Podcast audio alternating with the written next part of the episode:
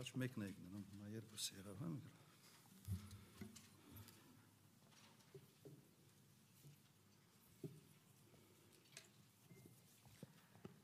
Բարև ձեզ հարգելի գործընկերներ, շնորհակալ ենք ասուլիսի մեր հրավերն ընդունելու համար։ Ես երկար չեմ խոսի իհարկե։ Նախագահ Ռոբերտ Քոչյանը հանդես կգա նախաբանի խոսքով, այնուհետև ինչպես միշտ կանցնենք ձեր հարցերին բայց խնդրանքս է, հորդորս է, հարգենք իրար եւ Ասուլիսը չվերածենք հարցազրույցի։ Եվ բոլոր մեր գործընկերներին, ձեր գործընկերներին թույլ տանք, որ կարողանան հարցի իրավունքից իրենց օգտվել։ Խնդրեմ, պարոն նախագահ։ Ողոցա չենք հանդիպել, դեն քանի ամիս է, երեն մի 8-ին 8-ին ամիս անցել է։ Կունենամ հնարավորինս կարճ ներածական խոսք։ Ներածական խոսքը երեք մասից է բաղկացած լինելու։ Առաջի մասը Արցախ, երկրորդ մասը Հայաստան եւ երրորդ մասը ինչ անել այս վիճակում։ Հիմա Արցախի վերաբերյալ ցավոք, բայց իմ բոլոր մտահոգությունները, որոնք ես մտչեցրել եմ այս այլիճում մեր անցած հանդիպման ժամանակ, ոնց որ իրականություն են դառնում եւ այդ ուղղության իշխանության կողմից որևէ քայլեր վիճակը շտկելու ոչ չի ներում չի արվում Արցախի թեման ընդհանրապես բացակայում է իմ տպավորությամբ բանակցային գործընթացներում եւ ոչ միայն Բրուսելում եւ խոսքը գնում է Հայաստան Ադրբեջան հարաբերությունների կարգավորման մասին Հայաստան-Ադրբեջան կոնֆլիկտը Ղարաբաղի շուրջ էր։ Ես լավ չեմ պատկերացնում, թե ինչպես է կարելի այս հարաբերությունները կարգավորել առանց որոշակիություն եւ միասնական, այսպես պատկերացնում Ղարաբաղի հետ կապված, Ղարաբաղի խնդրի կարգավորման հետ կապված։ Հետևաբար, եթե այստեղ առաջընթաց եթե կա, ապա կարելի եզրակացնել, որ Ղարաբաղի հարցում կա այսպես համաձայնություն կամ լռությամբ կամ ոչ լռությամբ, այսպես ասենք։ Եվ այն հանգամանքը, որ Արցախի հանրապետություն ինքնորոշում, սուվերենություն, ուղղակի Հայաստանի պաշտոնյաների բառապաշարից իսպար կորել են, վկայակոչում է դրա մասին, որ այստեղ մենք ունենք լրջագույն խնդրեմ։ Ինչքան ես գիտեմ Ադրբեջանը նաև իրենք չեն ཐակցնում, ուղղակի ասում է, որ Ղարաբաղի հարցը կարգավորված է, մենք ձեր հետ Ղարաբաղի մասին խոսալու ոչինչ չունենք։ Եվ ինչքան նաև ես գիտեմ, Ղարաբաղը չի պայքարում այդ մոտեցման, Հայաստանը չի պայքարում այդ մոտեցման Փաստորեն ապագա, եթե այսպես շարունակի, ապագա բանակցային գործընթացը լինելու է հետևյալ ֆորմատով։ Բաքու, Ստեփանակերտ եւ ինչ որ չափով Մոսկվա։ Հիմա ինչ հետևանքների կարող բերել։ Այս ֆորմատը ես կառաջարկեմ մեր փորձագետների եւ վարժողներին ինքներդ գնահատեք։ Տպավորությունը այնպեսին է նաև, որ Ղարաբաղի իշխանությունը հարմարվել է ինչ որտեղ այս վիճակի հետ։ Իհարկե իրենց հայտարարություններում խոսում են ինքնորոշման, սուվերենության մասին, հանրապետության մասին, բայց այլ խոսակցություններում թեման մի քիչ ուրիշ է։ Ինքնաարթարացման այսպես ճանապարհը հետևյալն է բացատրությունը, որ հիմա ինչ անենք Հայաստանը ձերքերը լվացել է, մի ելք պետք է գտնենք ժողովրդին այստեղ պահելու համար եւ դա հնարավոր չի անել առանց Ադրբեջանի հետ համագործակցության։ Սա փաստ է։ Համոզված եմ, որ նաեւ այստեղ նստած լարագրողների լարագրողների մեծամասնության մոտ այդ տպավորությունը եւս ստեղծվել է։ Եվ վերջերս նաև Ղարաբաղի իշխանությունը դա անում է բավական մեծ ջանասիրությամբ։ Կախվածությունը Բաքվից այս ընթացքում միայն մեծացել է այն փաստը, որ նոր ճանապարհի հետ չի կառուցվել գազամուղ էլեկտրական սյուները չեն տեղափոխվել եւ կապի մալուխը մնացել է նույն այն հին ճանապարհի վրա այնպիսի մի կախվածություն է ստեղծում, որ ուղղակի Ադրբեջանը ուզած ժամին, երբ ցանկանա, կարող է անելանելի վիճակ ստեղծել Ղարաբաղցիների համար։ Եվ Ղարաբաղի իշխանության համար սա լինելու է եւս մի բացատրություն, թե ինչի է պետք համագործակցել Ադրբեջանի հետ։ Ամենից մեծ վտանգը, որ եթե սկսի սկսվի Ղարաբաղի, այսպես պետական ինստիտուտների ապամոնտաժումը։ Ես կարծում եմ փորձելով են գնալ նաև դրան, թե տեխնիկապես ինչ ճանապարհ են ընտրելու, դժվարանում եմ հիմա ասել, բայց իմ տպավորությունը, որ հաջորդ քայլը լինելու այս ուղղությամբ։ Եվ սրա դեմ պետք է պայքարեն առաջի հերթին Ղարաբաղցիները, Ղարաբաղի իշխանությունը, Հայաստանի աջակցությամբ։ Ինչ ունենք դրական այստեղ։ Բոլոր հարցումներով մեր ժողովրդի 95%-ը մոտարապես չի պատկերացնում Ղարաբաղը Ադրբեջանի կազմում։ Բայց դեռ չի պայքարում դրա դեմ կամ ուրեմն այդ հարցումների ժամանակ անկեղծ չեն իրենց պատասխաններում կամ դեռ շարունակում են հավատալ իշխանությունների հավաստիացումների։ Այսքանը Ղարաբաղի մասին, հիմա Հայաստանը։ Գտնվում ենք խորը անվտանգային ճգնաժամի մեջ, երբ իշխանությունը ի վիճակի չէ պաշտպանել երկրի տարածքային ամբողջականությունը։ Նաև իրավիճակը ցույց տվեց վերջին, որ չեն կարողանում նաև ներգրավվել մեր գործընկերներին պայմանագրերով սահմանված պարտավորությունները կատարելու համար։ Մենք իշխանությունը տարվել է ուտոպիստական խաղաղության դարաշրջան բացելու թեզով եւ այդ թեզի ներքո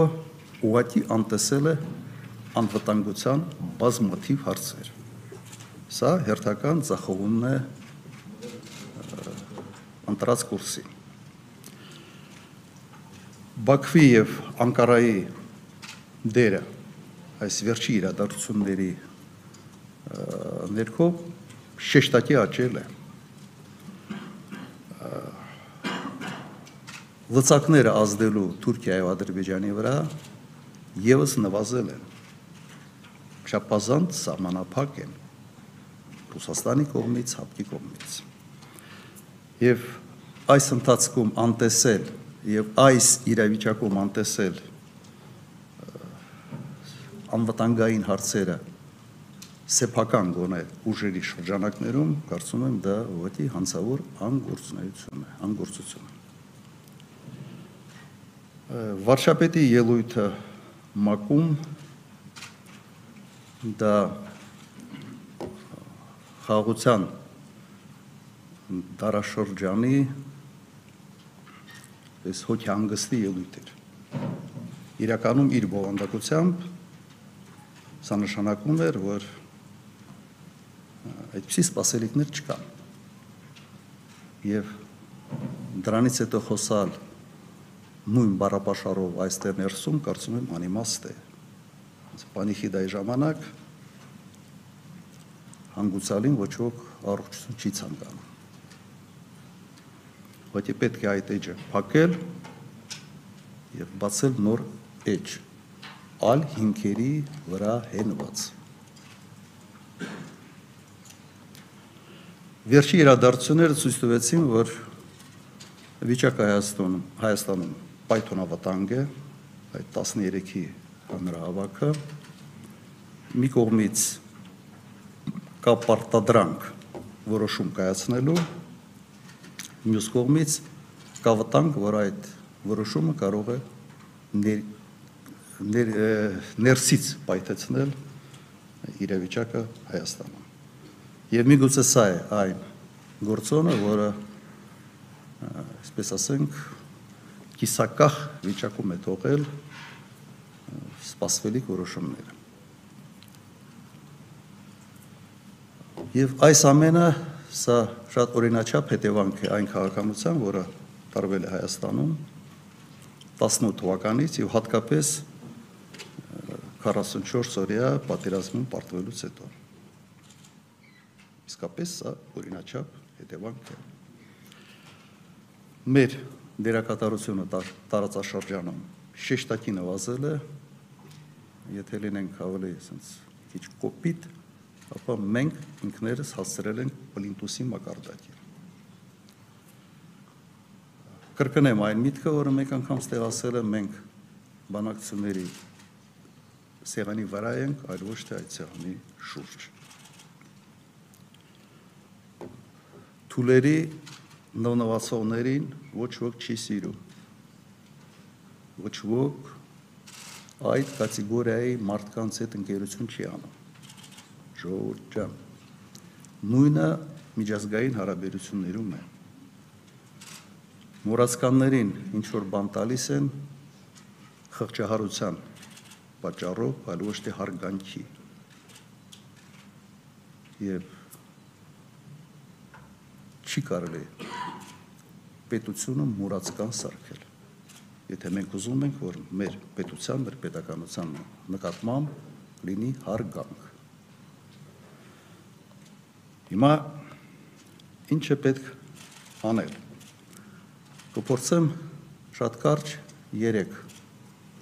այս բլոկով այստեղ որոշ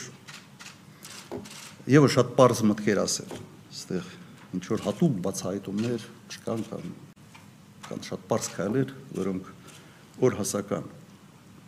վիճակում պետություններում սովորաբար կիրառվում են։ Առաջինը դա իհարկե հանրային կոնսոլիդացիան։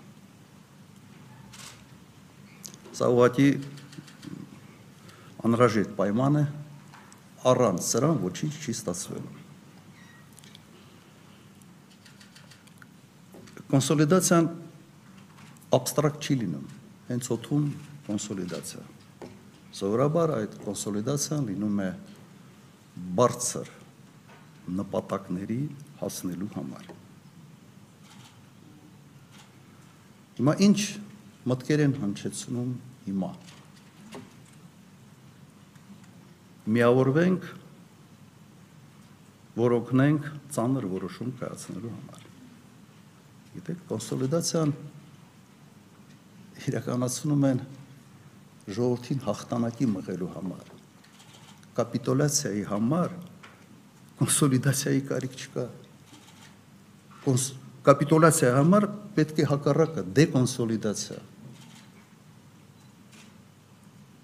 Մեկ ես վերջը այս པարզ ճշմարտությունները ասենք իրար խառնել ոչ չեմ հասկանում դա չգիտակցելով է արվում, թե ուղղակի նպատակասլված։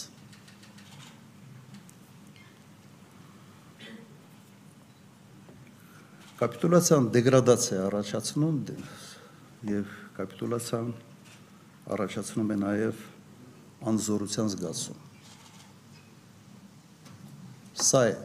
միգուցե պետք այսօր այն մարդկանց, որոնք կոչ են անում կոնսոլիդացվել, հանրային կոնսոլիդացիա կապիտուլյացիայի համար։ Հնչում է նաև թեզ միավորվենք, միավորվենք իշխանության շուրջ։ Մոտարապես ես ասացի նաև ինչու է սա ինչ որ չափով ինձ համար անհասկանալի է բայց այնուամենայնիվ փորձել փորձեմ ստեղ parzabanել մի քիչ ավելի ավելի խոր։ խնդիրը լուծելու համար առաջի հերթին պետք է ախտորոշես այդ խնդրի խնդրեմը եւ չզոքացնես այդ խնդրեմը։ Հիմա մեզ ասում են միավորվենք խնդրեմի շուրջ։ Հիմա մեր նպատակը ի՞նչն է։ Փրկել Հայաստանը, թե փրկել Հայաստանի խնդրեմը։ Սա է ըստ էության այս ամեն ինչից սենց մնացած սերուց կա այս առաջարկներից։ Ես սա բացարձակ ճշմարտություն է ոչ միայն բժշկության մեջ, բժշկության մեջ կա ուռուցք հերոսրի։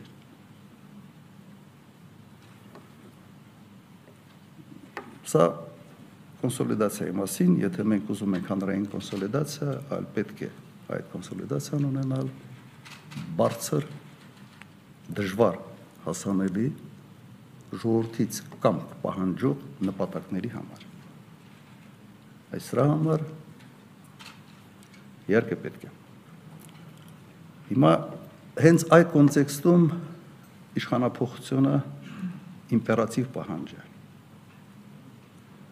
Բայց երբ ասում ենք իշխանապողություն, գիտեք, իշխանապողությունը խորհրդարանական երկրում կարող է լինել ամբողջական, կարող է լինել մասնակի, օրինակ, եթե խորհրդարանը ընտրում է մեկ այլ վարչապետ, իրականում դա մասնակի իշխանապողություն է, քանի որ այսպես վերահսկիչ փաթեթը մնում է այդ քաղաքական թիմի մոտ։ Եվ սա այն հարցն է, որը քննարկվելիք թեմա կարող է լինել քաղաքական դաշտում։ մի բան ակնհայտ է. Մենք չենք կարող բուժվել այն միջավայրում որը մեզ հիվանդացրել է. Այդ միջավայրը մենք պետք է փոխենք սա առաջի բլոկներ կապված կոնսոլիդացիայի հետ երկրորդը պետք է զբաղվել բանակով լրջորեն մենք երկու տարի լսում ենք ռեֆորմների մասին վերջում ծնվեց մի գաղափար 24 միլիոն դրամով բանակից ազատվելու գաղափարը։ Ինչ ուղղակի քայքայի չէր բանակի համար։ Այստեղ կան բազմաթիվ շարք քայլեր, որոնք կարելի անել, ես իմ մոտ sense թեզիսներով սա նշված է,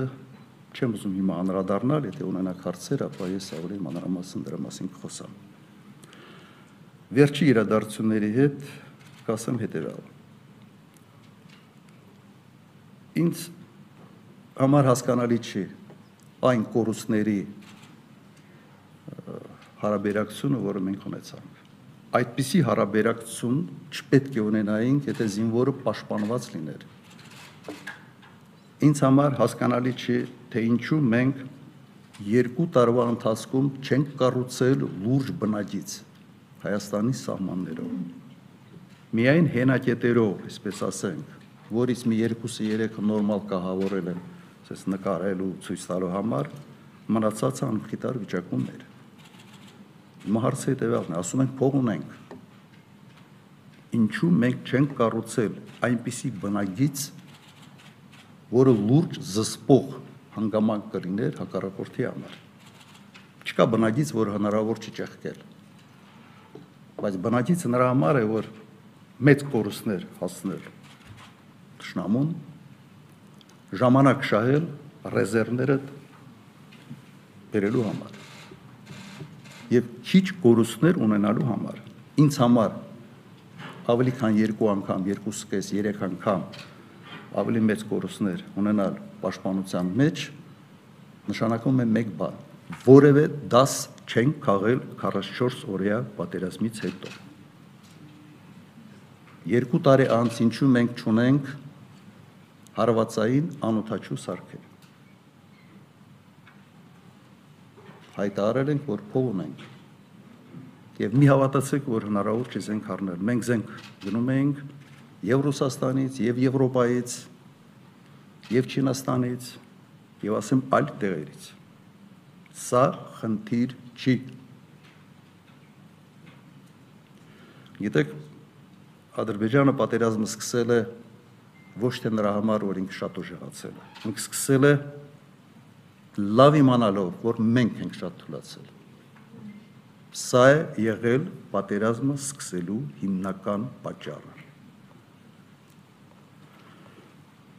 Եվ երրորդ հարցը, երրորդ իմ կարծիքով անհրաժեշտ քայլը պետք է վերագնահատենք մեր անվտանգային ճարտարապետությունը ընդհանրապես։ Մենք պետք է շատ ստապ գնահատենք ինչ գործոններն են կարող ազդել կամ ինչ պետություններն են կարող ազդել Ադրբեջանի եւ Թուրքիայի վրա։ Եվ պետք է գնահատենք, որ այդ ազդեցության լծակները այսօր Ռուսաստանի կողմից եւ ՀԱՊԿ-ի կողմից շեշտակի նվազել են։ ՀԱՊԿ-ը ընդհանրապես ազդելու հնարավորություն չունի։ Ես հենց այս ամբիոնում ձեզ մեկ անգամ դրա մասին ասել եմ կարծիքը դեռ միջև այս վերջի իրադարձությունները։ ՀԱՊԿ-ի բոլոր երկրները Ադրբեջանի հետ ունեն շատ ավելի լավ հարաբերություններ եւ միջպետական եւ անհատական մակարդակի վրա, քան Հայաստանը։ Եվ մտածել որ ՀԱՊԿ-ը կարող է ինչ որ քայլ ձեռնարկի, ուղղակի այսպես մի քիչ կոպիտ ասեմ, բայց աշխարհակահաղական անմեղսունակություն է։ Ակնհայտ է, որ Ռուսաստանը անում է ամեն հնարավորը եւ անելու է ամեն հնարավորը որ բախում չի լինի Հայաստանի ու Ադրբեջանի միջև բայց դրանք լինելու են քաղաքական դիվանագիտական քայլեր այսօր Ռուսաստանը ունի դաշնակցային հարաբերություններ նաև Ադրբեջանի հետ եւ մտածել, որ այս վիճակում Ռուսաստանը կարող է ռազմական գործողություններ սկսել Ադրբեջանի դեմ, ուղղակի անհետեցություն չի լինելու դա։ Եվ այդ տեսանկյունից բավական ասենց լավ վիճակ է ստեղծվել հակառուսական տրամադրությունները զարգացնելու համար Հայաստանում որովհետև սա այն թեման է, որը ասենց ընկալվում է եւ շատ հեշտ իսկապես այս թեմայի վրա կարելի այդ հարաբերությունները Հայաստանում բավականաչափ խորացնել։ Այդ տեսանկյունից ես իմ աջակիցների հետ հանդիպան ժամանակ նույնիսկ ասացի, որ հակառուսական տրամադրությունների պուլտը այսօր Ալիևի ձեռքին է։ Այսպես երկուսի միացնի եւ մի ալիք եւս է գնալու։ Մի քանի post, երկու տասնյակ զոհ եւ խնդրեմ եւս մեկ ամսվա ալիք հակառուսական տրամադրությունների։ Սա իհարկե կապված է նաեւ Ուկրաինայում Ռուսաստան-Ուկրաինա այդ պատերազմի հետ եւ այն հանգամանքի հետ, որ ակնհայտ է իդեպ ոչ Ռուսաստանը, ոչ Միացյալ Նահանգները, ոչ Ֆրանսիան այսօր այդ ազդեցությունը Թուրքիայի վրա, Ադրբեջանի վրա չունեն։ Էրդողանի վրա ընդհանրապես ոչ մեկ ազդեցություն չունի։ Եվ պետք է ասել, որ ինքը մաստեր կլաս է տալիս ազգային շահերի պաշտպանության գործում։ Իսկապես սա մաստեր կլաս է։ Անտեսելով ամեն ինչ, բոլոր կարգի ճնշումները անում է այն, ինչ ինքը համարում է ճիշտ Թուրքիայի ազգային շահերի համար։ Հիմա այս վերլուծության մեջ եւ գիտեմ, որ այդ վերլուծությունը նաեւ անում են մեր երկրի փորձագետների մեծ մասը։ Հիմա մենք պետք է ասենք, ո՞րն է ամենից թույլ տեղը Հայաստանի։ Ախտորոշենք։ Կարծում եմ Սյունիքն է։ Այդպես չէ։ Սյունիքն է, նաև սա այն տարածքն է, որը ամենից մեծ որի նկատմամբ ամենից մեծ, այսպես ասենք, ցանկություններ է արտահայտվում Ադրբեջանի եւ Թուրքիայի կողմից եւ դարում է բացահայտ։ Հիմա մեկ հարց, ոչ ռետորական, շատ կոնկրետ հարց։ Որ երկիրն է բացի Հայաստանից, ում համար Սյունիք կարևոր է։ Ով։ Ապրի։ Հիմա սա դժվար է կռահել։ Որ եթե մենք ուզում ենք ունենալ պետություն, որը բացի հայտարարություններից, բացի հորդորներից կարող է այստեղ գործնական քայլերի դիմել զուտ շահերի ուսումնասիրմամբ եւ համադրությամբ դա միայն Իրանն է։ Եվ այս երկու տարվա ընթացքում այդ ուղղությամբ գրեթե ոչինչ չարվեց։ Առնվազն մի երկու զորավարժություն պետք է անեինք Իրանի հետ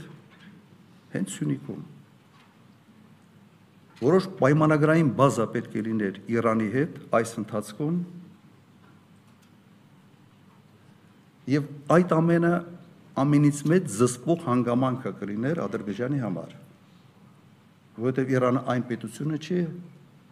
որին ինչ որտեղից մատ թափ տալով կարելի է կաղնեցնել, եթե ինքը հետապնդում է իր ազգային շահ։ Ես գիտեմ, որ նման կարգի խոսակցություն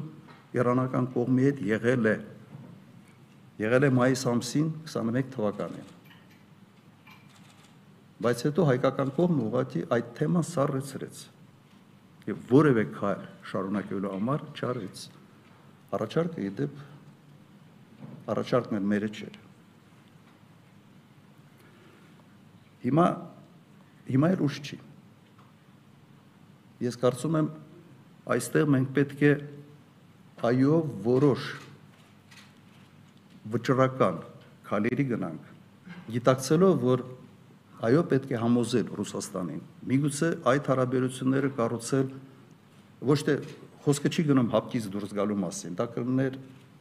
եւս մեկ հիմարություն հապկի շրջանակներում կային պայմանագրեր որոնք շատ կարևոր են զենք զինամթեր գնելու համար ուղղակի համալրել նոր կոմպոնենտներով մեր այս անվտանգային համակարգ Ես համոզված եմ, որ հնարավոր է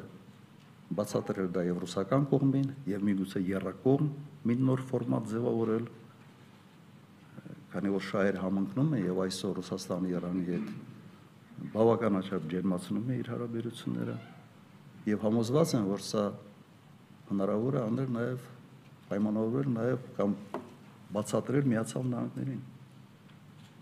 դուր կգա իրենց ոչ առաջարկում են այլ ընտրանք չեն առաջարկում։ Իմ կարծիքով սա այն վիճակն է, երբ պետք է ավելի համարձակ լինել ոչ միայն ներսում, այլ նաև դրսի հետ հարաբերությունները։ Սա ցենց մոտավոր բանով այն քայլերն են, որոնք իմ կարծիքով պետք է այս պահին անել։ Ուրեմն հանրային կոնսոլիդացիա, բանակ որով պետք է լրջորեն զբաղվել եւ ճարտարապետության, մեր անվտանգային այդ ճարտարապետության համալրում։ Այսքան ներածական խոսք, չգիտեմ, շատ էր երկար, թե ոչ, կարծում եմ կարևոր թեմաներ են, անդրադարձը միգուցե ավելի երկար էր, քան պետք էր։ Գործընկերներ ջան, առաջարկում եմ պայմանական երկու թեմատիկ բաժանում անենք։ Հայաստան, Արցախ անվտանգություն, այնուհետև ձեր ամենասիրելի բուն ներքաղաքական հարցերին անդրադառնանք։ Առաջին մասը ավարտենք հարցերի. Հայաստան-Արցախ անվտանգություն, այնուհետև անցնենք ներքաղաքական ձեր բազմաթիվ հարցադրումներին։ Խնդրեմ H2 եւ խնդրում եմ ներկայացեք հարցը տալուց հայկական երկրորդ հերոստալիկ Լիլիթ Կասյան, պարոն նախագահ, կցանկանայի Արցախի հետ կապված ձեր միտքը նաև շարունակելով ասել, որ ՄԱԿ-ի ամբիոնից Փաշինյանը կարծես թե ոչինչ չխոսեց Արցախի մասին, Լևոն Տեր-Պետրոսյանն էլ իր վերջին հարցազրույցում հայտարարեց, որ Արցախի հարց էլ չկա, հարցը լուծված է, Հայաստանն այստեղ չունի անելիք եւ ասելիք։ Մինչեւ ռուս-ուկրաինական պատերազմը գուցե Արցախի հարցի լուծման բանալին Ռուսաստանի ձեռքին էր, բայց հիմա հայտնի չի նաեւ թե որտեղ է այդ բանալին ըստ էս որտեղ է Արցախի հարցի լուծման բանալին, կիսում ես հասկացա, որ դուք չեք կիսում տեսակետը, որ Արցախի հարցի լուծումը, հա, այսպես ասենք, Արցախի հարցը լուծված է եւ ինչ անի Հայաստանը, որ Արցախը երբեք չլինի Ադրբեջանի կազմում։ Շնորհակալություն։ Արցախի ապագայի բանալիքը իմ խորին համոզմամբ Արցախի ժողովրդի ձեռքին է։ Դա այդպես է եղել։ Հիմա դա այդպես է եղել 92 թվականին։ Երբ մեր վիճակը ավելի լավ չէր։ 92 թիվ հուլիս ամիս, ուղղակի հիշեք։ ինչպեսի վիճակ էր։ Այո, Արցախի ժողովրդի ձերքին է այդ բանալի։ Իրեն գնալու են, այսպես ասենք, էլիտան համագործակցության, այսպես քայլ առ քայլ ինտեգրվելով Ադրբեջանի հետ թե իրենք այնուամենայնիվ պատրաստ են պայքարել։ Եվ այդ բանալի մի մասը Հայաստանի ժողովրդի ձեռքին է։ Հայաստանի ժողովուրդը կպարտադրի իշխանությունների որոշակիություն մտցնել Արցախի վերաբերյալ իրենց մոտեցումների մեջ, թե ոչ։ Չի մտահոգում, որ հանրապետություն բառը եւ ինքնորոշման բառը այլևս չկա։ Չի չի օգտագործում ընդհանրապես, սա ինչ է նշանակում։ Ուրեմն ժողովրդի ձեռքին է։ Եթե ժողովուրդը պատրաստ է պայքարել, ուրեմն դեռ հավանականություն կա այս ամենը գոնե կաղնեցնել։ Իդեպ նման խոսակցություններ եղել են եւ 92 թվականին այն բավական դժվար ժամանակներին։ Գրեթե մեկը մեկին։ Իսկ կարող եմ մի հատ սուրճ խնդրել մեր մոտ ով է։ Ով է սրճի պատասխանատուն։ Հա։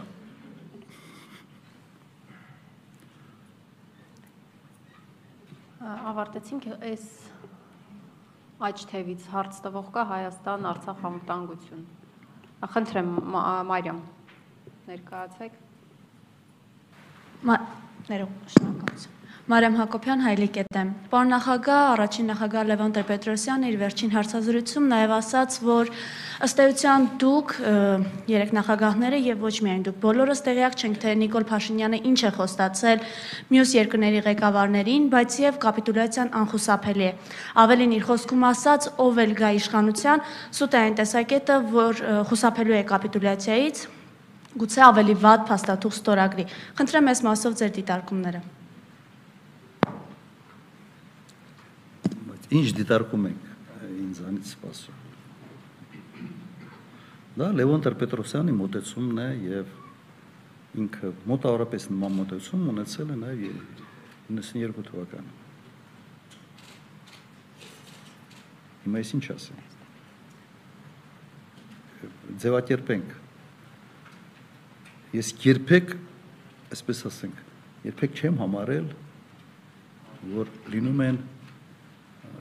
անհույս վիճակներ։ Երբ միայն պայքարողի համար է դուր բացվում։ Միայն սա կարող եմ ասել։ Կտրականապես համաձայն չեմ այդ գնահատականների հետ։ Այո, վիճակը ծանր է։ Այո, կան բազմաթիվ խնդիրներ բայց դա չի նշանակում, որ մենք պետք է այդ վիճակում ուղղակի հանձնվենք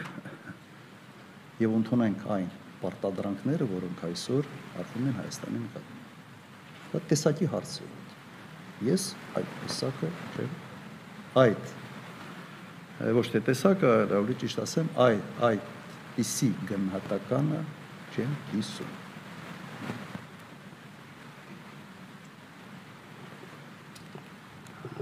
Խնդրեմ, առավոտ։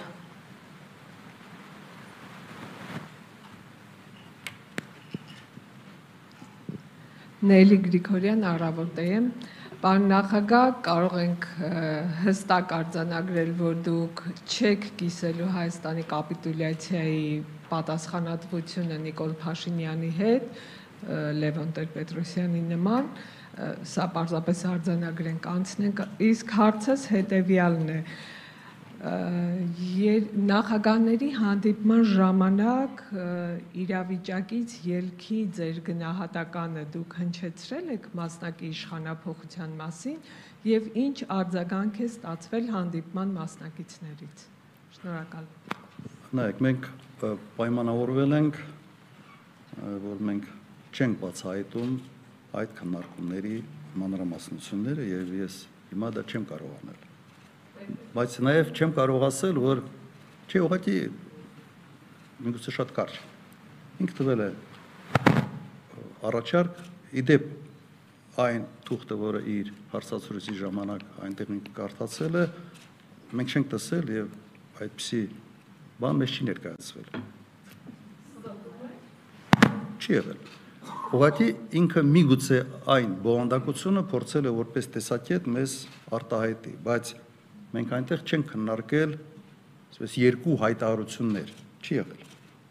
Քանի որ տարաձայնությունը երևաց, որ բավական խորն է, ուղղակի մի անգամից առաջարկ եղավ մի հայտարարություն անել, որը դուրը բաց կպահի այդ ֆորմատի աշխատանքի շարունակության համար։ Այսքանը։ Սենց մենք երկու բան չենք դրել, երկու հայտարարություն։ Ես չգիտեմ, ինչի ինքը կարող է իր մոտ ինչ-որ տպավորություն նման ձևով ձևավորել է, բայց սա է եղել իրականությունը եւ ուղղակի կներեք, ես չեմ կարող մանրամասնությունների մասին խոսել։ Դա չեմ ուզում խոսել։ Սպուտնիկ Արմենիա, խնդրեմ։ Շնորհակալություն Սպուտնիկ Արմենիա Հովանես Շողիկյան։ Պարոն նախագահ, ինչ եք անում անձամբ դուք եւ ձեր քաղաքական ուժը հանրության կոնսոլիդացիայի համար եւ ձեր առաջարկած տարբերակը ցավոտ լուծումներից խուսափելու համար կոնկրետ լուծում ունեք, ո՞րն է դա։ Շնորհակալություն։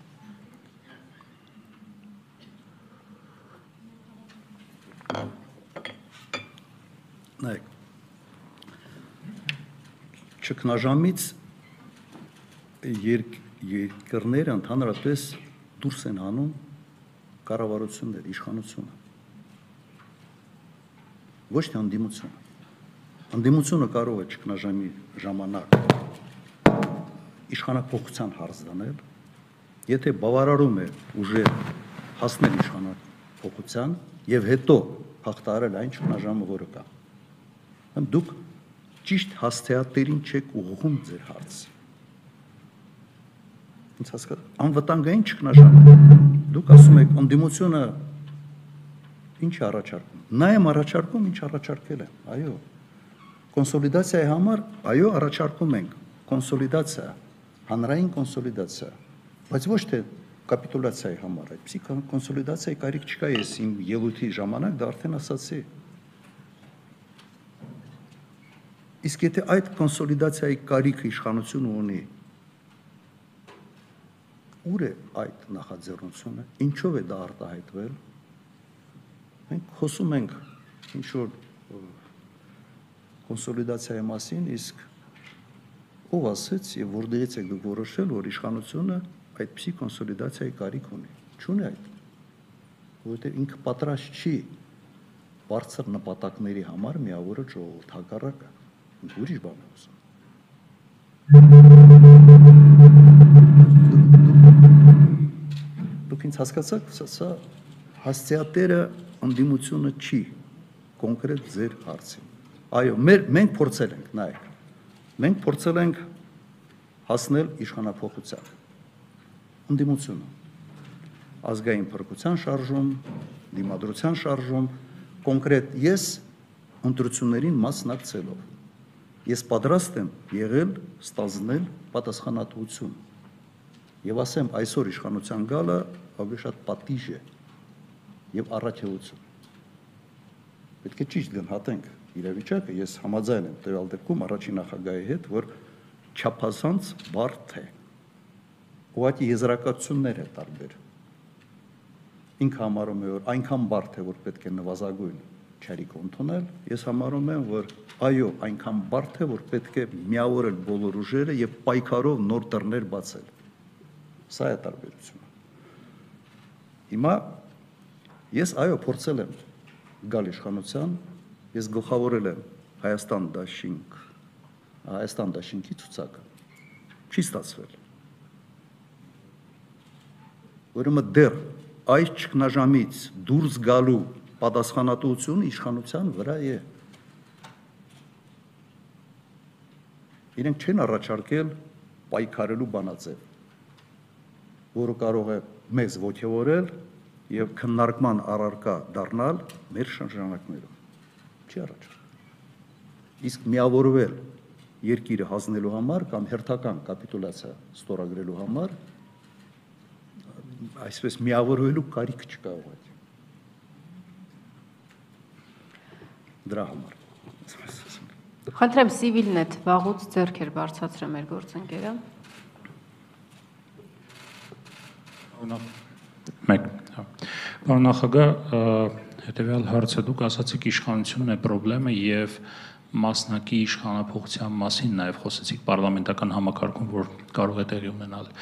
Դա իսկապես քննարկելի է ձեզ համար, եթե Նիկոլ Փաշինյանը չի վարչապետ, այլ մեկ այլ մարդ է իրենց թիմից եւ ընդդիմությունը պատրաստ է խոսել այդ մարդու հետ եւ չգիտեմ ինչ որ հարային կոնսոլիդացիայի գնա կամ լուծումներ փնտրել եւ երկրորդը խոսեցիք Իրանի գործոնի մասին եւ բանակը կարգի բերելու մարտնակցությունը վերականգնելու մասին մենք այդ ժամանակը ունենք որբիսի բանակի մարտունակությունը վերականգնենք, զորանանք այնքան, որ Ադրբեջանի եւ Թուրքիայի համար գլխացավանք դառնանք տարածաշրջանում կամ գործոն դառնանք տարածաշրջանում։ Կա այդ ժամանակը մեզ թույլ կտան Իրանի միջոցով հնարավոր է սառեցնել իրավիճակը այնպես, որ Հայաստանը շնչելու ժամանակ ունենա գոնե կես տարի, 1 տարի, չգիտեմ։ Նայեք, երկրորդ հարցից սկսեմ։ Մենք արդեն 2 տարի կորցրած ժամանակ ենք արձանագրում Հիմա էլ չանենք, ելի ասենք, դե հիմա վիճակը լավ չի եւ այլ, մեկ տարի հետո ասելով ենք մենք ժամանակ ունենք։ Գիտեք, սա այն քալն է, որը որը մեկը դու պետք է անես, անես։ Դու չես ունենալու խաղաղություն երբեք։ Եթե չունենաս մարտոնակ բանակ։ Սա սա ոքի այբուբեն է եւ ես զարմանում եմ, որ նույնիսկ քաղաքանության զբաղվող մարդկանց այս այբուբենը պետք է բացատրել։ Հիմա նայեք, դուք Իրանից բացի այլ երկիր տեսնում եք, որը պատրաստ է նույնիսկ ես իրանցիները չեմ բանակցել, բայց ես գիտեմ դիրապետում եմ այն ինֆորմացիան, որ նման առաջարկ եւ նման բանակցություններ եղել են Իրանում բոլոր մակարդակներով եղել են շատ լուրջ հայտարարություններ սկսած հոգևոր առաջնորդից, նախագահից եւ բարձրաստիճան զինվորականներից։ Սա գիտեք ինչ է, ոնց որ ասեն, էստի համեցեք։ Եկեք բանակցենք։ Մենք ինչով կարող ենք օգտակար լինել այս հարցում։ Եվ ուղղակի չլսել դա, չհասկանալ, թե ինչի մասին է խոսքը հնարավոր չի։ Ինչու չարվեց դա 1 տարի առաջ, 2 տարի առաջ։ Դա պետք է արվեր 21 թվականին արդեն հունվար ֆեդերալ ամիսներին, գոնե գառնան։ Հիմա դուք ինձ ասում եք ժամանակ ունենք, ունեցել ենք։ Հիմա պիտի անենք։ Եթե այդ շանսը կա, որ 1 տարի, 2 տարի հետո չասենք ժամանակ ունենք, դա այդ հարցի վերաբերյալ։ Առաջի հարցը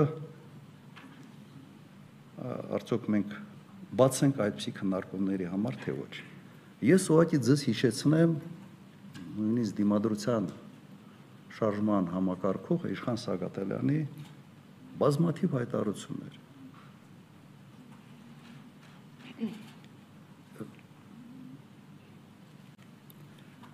Մասնակի իշխանություն, իշխանապողություն, ես որ ասացի, ուղղակի այդ տերմինը կիրառեցի փորձելով ու իրականությունը միգուցե ավելի ավելի բարձեցնել։ Հիմա բոլորս հասկանում ենք, որ օրինակ ես հասկանում եմ, որ այս խորհրդարանում քպական падգամավորների մատերը կտրես, ինձ համար չեն քվեարկի։ Լավ, սա հասկանում են, չէ՞, սա բան չի ինձ մանկամտությամբ ոչ ոք չի տարապում այստեղ։ Սա սա նշանակում է, որ եթե իշխանապետությունը կարող է լինել նոր ընտրությունների ճանապարհով կամ խորհրդարանով։ Հիմա Պարզ է, եթե խոսքը գնա խորթարանով նոր վարչապետի ընտրության մասին, դա պետք է լինի մի տեխնացու, որը ընկալելի է եւ իրենց համար եւ ընկալելի է ընդդիմության համար։ Ուրիշ ուղղակի մոդել չկա։ Կա, այսպես ասենք, ուրիշ մոդելը դա հանրային այնպիսի ճնշումն է, որը պարտադրում է մեծամասնության ընտրել հանրության կողմից ցանկալի տեխնացու։ Այնինչ որ եղավ ըստ էության 18 թվականին։ Սա նշանակում է տասնյակ հազարավոր մարդիկ շրջապատում են խորհրդարանի շենքը եւ պարտադրում են մեծամասնության իրենց տեխնացուն։ Այսօր այդ հնարավորությունը ընդդիմությունը չունի։ Մենք տեսանք, որ դեռ չկա։ Կարող է վաղ լինել, այո, այսօր չկա։ Ուրեմն եթե այսօր խոսում ենք նաև այսպես ավելի թեթև փոփոխության մասին, փոփոխությունը սա է։ Սա հասկանում եք ոչ իշխան Սարգսյանին կտրեն, ոչ ինձ կընտրեն, ոչ էլ այսպես ասենք ռադիկալ ընդդիմությունից որևէ մեկին միջև չլինի հանրային հսկայական ճնշում։ Սա նշանակում է, որ մենք գիտակցում ենք, որ պետք է բանակցողի փոփոխություն, պետք է նաև մի մարտի փոփոխություն, որը բաժանեց բոլորին։ Պետք է մարդ գա, որը կմիավորի բոլորին։ Այդ հանրային կոնսոլիդացիայի այսպես պատրաստ եւ ընդունակ իր տեսակով մարդ պետք է ընտրվի։ Սա նշանակում է, որ այո, սա քննարկման հարց է։ Բայց այդ նախաձեռնությունը իրականում պետք է գա արդեն ոչ թե մեզանից, պետք է գա քաղաքական մեծամասնությունից։ Եթե իրեն գիտակցում են այս վիճակի բարդության խորությունը։ Ազատություն ռադիոկան։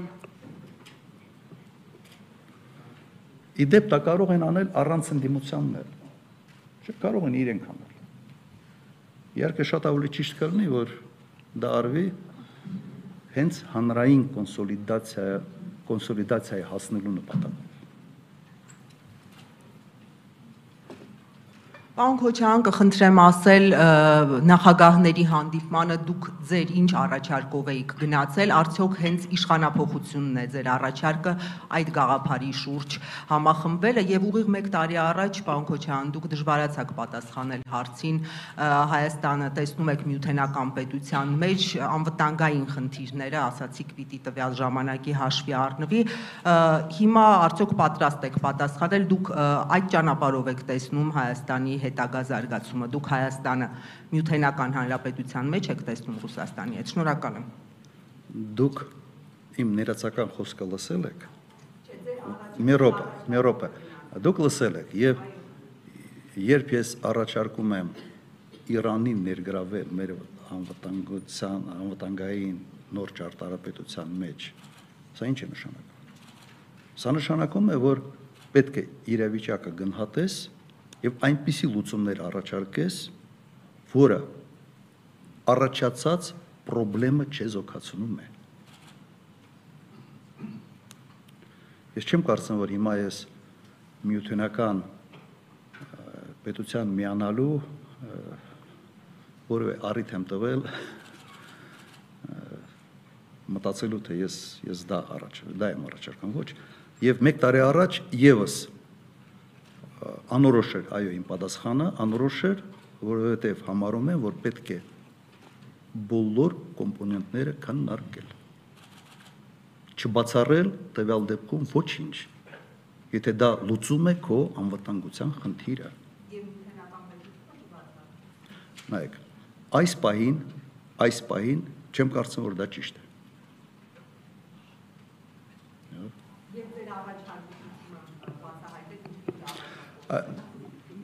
Ես արդեն պատասխանել եմ այդ հարցին, որ ես չեմ ուզում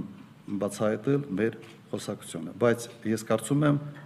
իմ նաև ներածական խոսքից դուք կարող եք եզրակացություն անել, թե ինչպեսին եղել իմ առաջարկը։ Գործընկերներ, առաջարկում եմ մեկական հարցով սահմանափակվենք, որ բոլորը հարցի հնարավորություն ունենան։ Խնդրեմ, Պարա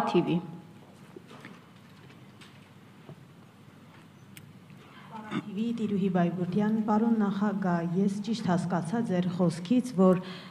եթե ոչ այսպես կապիտուլյացիայի համար, ապա եթե խոսքը լինի պայքարի եւ նոր ճանապարհներ բացելու համար, դուք պատրաստ եք քննարկում անցկացնել Նիկոլ Փաշինյանի հետ կամ նույն սեղանի շուրջ նստել։ Այո։ Գիտեք, մարդիկ չգիտեմ ինչի ֆիքսվել են սենց մի պատկերի վրա, սենց մի սեղան եւ այդ սեղանի շուրջ անպայման նստում է Նիկոլ Փաշինյանը եւ նախագահները։ ես այդ sense պատկերի համար չեմ իմ այսպես ասենք իմ, իմ տեսակով բայց վիճակից դուրս գալու համար այո պետք է քննարկումներ ունենալ եւ այդ ֆորմատին մասնակցելը վիապարի նախաձեռնությամբ նաև այսպես նպատակն է որ ինչ որ մի լուծումներ գտնենք փորձենք քննարկումներով որոշակի ինչ որ լուծումների գալ Տեր-Պետրոսյանի առաջարկը, ну, կատեգորիկ անընդունելի էր օրինակ ինձ համար։ Բայց մենք չենք ասել դրանից հետո, որ վերջ մենք այլևս այստեղ չենք գալու, որովհետև սա անընդունելի է մեզ համար։ Մենք դուրը բաց ենք թողել, այո, քննարկումների համար։ Ուղղակի սա խնդիրը գիտեք, եւս հետեւյալն է։ Ես տեսնում եմ մի բան։ Մարդկանց մոտ մեծ սպասելիքներ է առաջացել որ նախքին նախագահները եւ վիապարը լուծում են գտնելու այս իրավիճակից։ Ժողովուրդ ջան, այս վիճակից լուծումը պետք է առաջարկի գտնի եւ տանի այդ ճանապարհով իշխանությունը։ Եվ եթե այդ առաջարկը իշխանության կողմից չի եղել, այլ հանրային այն ինչ որ պահանջ է ձևավորվել, բայց սպասելիքները, այսինքն հասցեատերը այդ սպասելիքների այդ ֆորմատը չպետք է լինի ճգնաժամերից երկիրը դուրս է հանում ոչ թե վեապարը, նախկին նախագաները, որ այսօր, որոնք այսօր լծակներ չունեն, այլ իշխանությունը։ Եվ եթե մեզ հետ է հույս կապում այդ ֆորմատի հետ, ուրեմն դրա ացյանցալ հույսը հետևյալն է։ Այս ֆորմատը պետք է փոխի իշխանությունը եւ իշխանությունը փոխելով տա հարցի լուծումներ։ Եթե այս տրամաբանության մեջ ենք մտածում, ուրեմն պետք է, այո, պետք է ակնկալել, ոչ թե ակնկալել, այլ պետք է ստապ գնահատել վիճակը։ Միգուցե սա որոշակի, այսպես հանրային ճնշում է նաև իշխանության վրա, ես ինչով եք զբաղված միգուցե նաև որոշակի դրական դերակատարություն այս ֆորմատը կարող ունենալ նաև այս կոնտեքստի մեջ որ ձեզանից այլևս սпасելիք չկա, սпасելիք այնտեղ է, մի բան արեք, դուք արեք, վերջը դուք պիտի անեք։ 168 Խաչատրյան 168 ժամ պարոն նախագահ ինչպես եք վերաբերվում արևմտյան երկրների մասնավորապես Միացյալ Նահանգների եւ Ֆրանսիային Հայաստանին ռազմական աջակցություն տրամադրելու հնարավորությանը եւ այս համատեքստում ինչպես է գնահատում Ռուսաստանի եւ ՀԱՊԿ-ի կեցվածքը Ադրբեջանի վերջին հարցակման ընթացքում վերջի շրջանում նաեւ քննարկվում է ՀԱՊԿ-ից դուրս գալու գործընթաց սկսել սրան ձեր գնահատականը Ես ըստ էության ներածական խոսքում անդրադարձ ունեցել եմ, բայց քանի որ ուղղակի հարց է, փորձեմ։ Նայեք, ես չեմ տեսնում, որ Միացյալ Նահանգները կամ Ֆրանսիան կարող է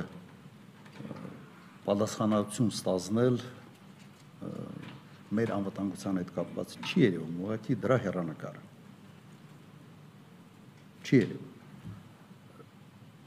իրենց հայտարարությունները դրական են գնահատում։ Նենսի Պելոսիի այց Հայաստան եւ հայտարարությունները, որոնք նա արել է, դրական եմ համարում։ Բոլոր քայլերը, որոնք օգնում են մեզ ինչ որտեղ ապահովագրվել, ինչ որտեղ զսպող բոլոր քայլերը Ադրբեջանի զսպող, այո, դրական եմ համարում։ Բայց ես ուզում եմ մենք իրատեսական լինենք Միացյալ Նահանգների ազդեցությունը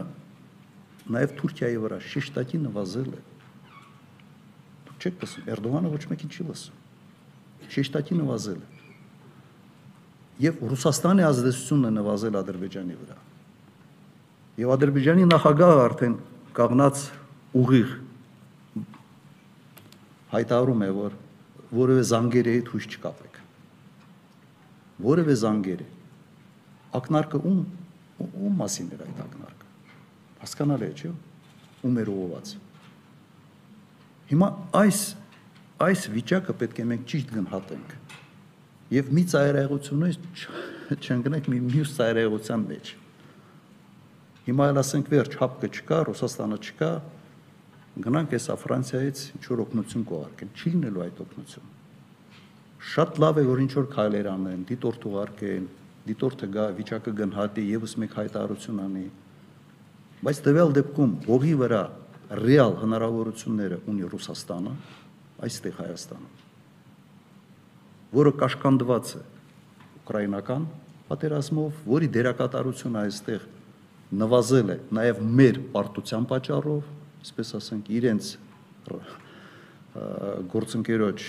դաշնակցային գործընկերոջ պարտության պատճառով եւ որ այսօր փորձում է նման կարգի հարաբերություններ կառուցել նաև Ադրբեջանի հետ։ Մենք տեսնում ենք սա։ Ուղղակի Լավրովի ելույթները իր այցի ժամանակ Բաքվում, եթե մի հատ ուշադիր կարդաք, դուք կտեսնեք, թե ինչ տեղ են իրենք տալիս Ադրբեջանին հարավային Կովկասում իրենց քաղաքականության մեջ։ Հիմա սա իրականություն է։ Հիմա մեղադրենք Ռուսաստանին, թե ինչու է Ռուսաստանը իր ազգային շահերից բխող քայլեր ձեռնարկում, անիմաստ է։ Սրել Ռուսաստանի դեմ մեր հանրությունը ավելի վատ մեզ համար։ Ուղղակի իրականությունը սա է եւ կարծում եմ մենք մենք պետք է այդ տեսանկյունից փորձել հասկանալ, որ այո կարող է իրավիճակը փոխվի Այո, մենք շատ ավելի ակտիվ պետք է համոզենք Ռուսաստանին, որ Հայաստանը դեռ իրենից բան է ներկայացնում այս տարածաշրջանում, որ այս քաղաքանությամբ դու կարող ես կորցնել Հայաստան, այո, պետք է համոզել, պետք է աշխատել։ Այդ ուղղությամբ ոչինչ չի արվում։ Մենք ոչինչ չենք անում, հետո ասում ենք ինչի է Ռուսաստանը ասենց ավելի ակտիվ հարաբերություններ կառուցում Ադրբեջանի հետ։ Եթե դու չկաս, եթե դու չկաս, բա ինչ անի չզբաղվի այս տարածաշրջանով, այո զբաղվելու է։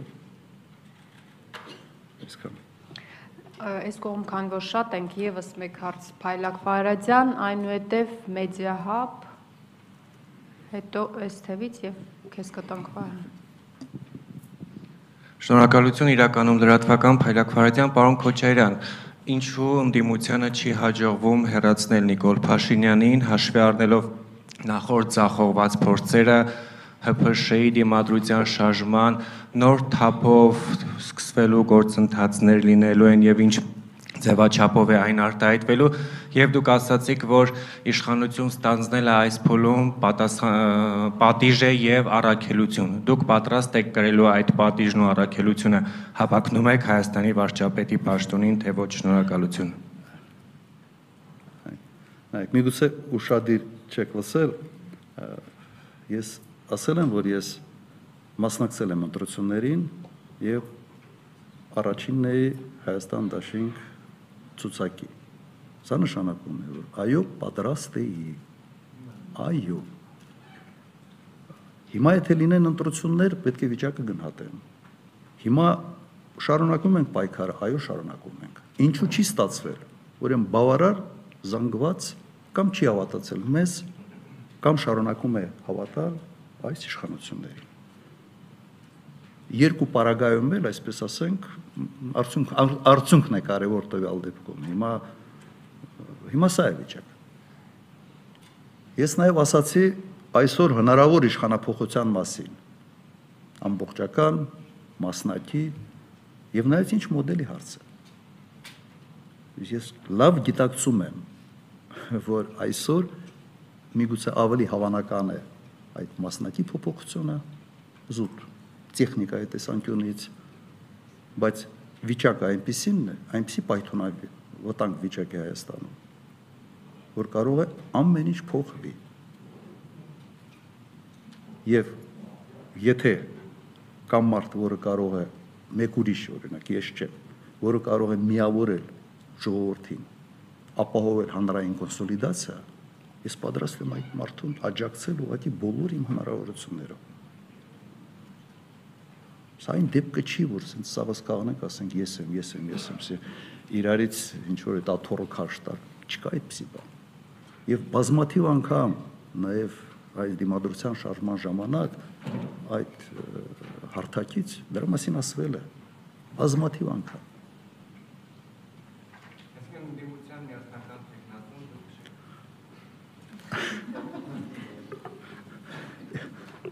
Ես հասկանում եմ, որ իմ կերպարը շատ է ասոցացվում ասենք իշխանության իշխանության հետ, բայց մենք իր իրատեսականն ենք։ Ինչի նաև չի ասվում ընդդիմության միասնում տեխն միասնական տեխնացիոն ով է, ով կարող է լինել։ Իմ աչքի առաջ մոտարապես մի 3-4 հոգի կա, որ կարող են այդ բեռը իրենց վրա վերցնել։ Անուններ չենք տալիս մեկ պատճառով։ Այո, վաղը մյուսօր քրեական գործեր, չգիտեմ ինչ, եւ արդեն տեսանք։ Իսկ համայնքի ղեկավարին չեն թողնում նորմալ ընտրվի եւ պաշտոնավարի։ Բարեկամներով ամբողջ չեն որ ասում ցեղի տակու գլուխով, գլխով ճնշումների տակ են հայտնում։ Հիմա ինչի մենք պետք է այդ մարդկանց վատություն անենք։ Սա է մեր քաղաքական մշակույթը ցավոք։ Մեզ ինչ էին ասում։ Մենք մեզ ասում էին որ Հայաստանում այնպիսի մի ժողովրդարություն է, որ որևէ ավտորիտար երկիր տենց էր, չի մոտարապես թեզը, չի համարձակվի հարձակվել Հայաստանի վրա։ Եվ ժողովրդարությունը դիտվում է որպես անվտանգության մի լուրջ կոմպոնենտ։ Հիմա ոչ ժողովրդարություն ունենք, ոչ էլ անվտանգություն ունենք։ Արդյունքը սա է։ Մեդիա հաբ, խնդրեմ, այնուհետև Փաստինֆո։ Երկրորդը չեմ։ Անի Գևորքյան, Մեդիահաբ, ը, պարոն նախագահ, մենք ճիշտ հասկացանք, եթե հարկ լինի, եթե հանրային կոնսոլիդացիայի համար, որպեսզի ընդդիմությունը հասնի դրան, հարկ լինի, որ դուք հեռանաք պայքարից, պայքարի առաջնագծից, ապա դուք պատրաստ եք դա անել, ը, նախագահները այդ մասով նախքին քննարկում ունեցել են թե ոչ եւ եկեղեցու հետ կապված արդյոք այս ժամանակահատվածում եկեղեցին կարող է առաջնորդել եւ հասնել լայն կոնսոլիդացիայի ես հիշում եմ որ ժամանակին առաջարկում եք որպիսի նախագահի տեխնացուն էլ լիներ եկեղեցու ներկայացուցիչ շնորհակալ եմ Առաջի հարցը մի հատ էլ ինձ սլավ մանչել, լավ։ հանրային լայն կոնսոլիդացիայի համար անհրաժեշտ լինի, որpիսի դուք հեռանաք պայքարի առաջնագծից, առաջնորդությունից, ապա կհեռանաք եւ արդյոք երկրորդ նախագահ Սերժ Սարգսյանի հետ այդ հարցը քննարկել եք նախագահները պատրաստ են հեռանալ պայքարի առաջնագծից, ընդդիմության առաջնորդությունից, եթե այդ արդյունքում հնարավոր լինի հասնել լայն կոնսոլիդացիայի։ Բայց դուք կասկածում եք դրա մեջ։ Այսօր էս առնվազն մի 3 անկյանտակ 3 անկյանտակ ուղղակի այդ միտքը արտահայտեցի։ Վաղը եթե ինչ որ մեկը կարողանա հավաքել շատ ավելի մեծ զանգված, քան դա մենք ենք անում։ Ուղղակի պետք է ընդունենք, որ կա այն անձը, որը կարող է այդ հանրային կոնսոլիդացիան ապահովել։ Եվ մենք իրավունք չունենք դրան խանգարելու։ Հակառակը մենք պետք է օգնենք։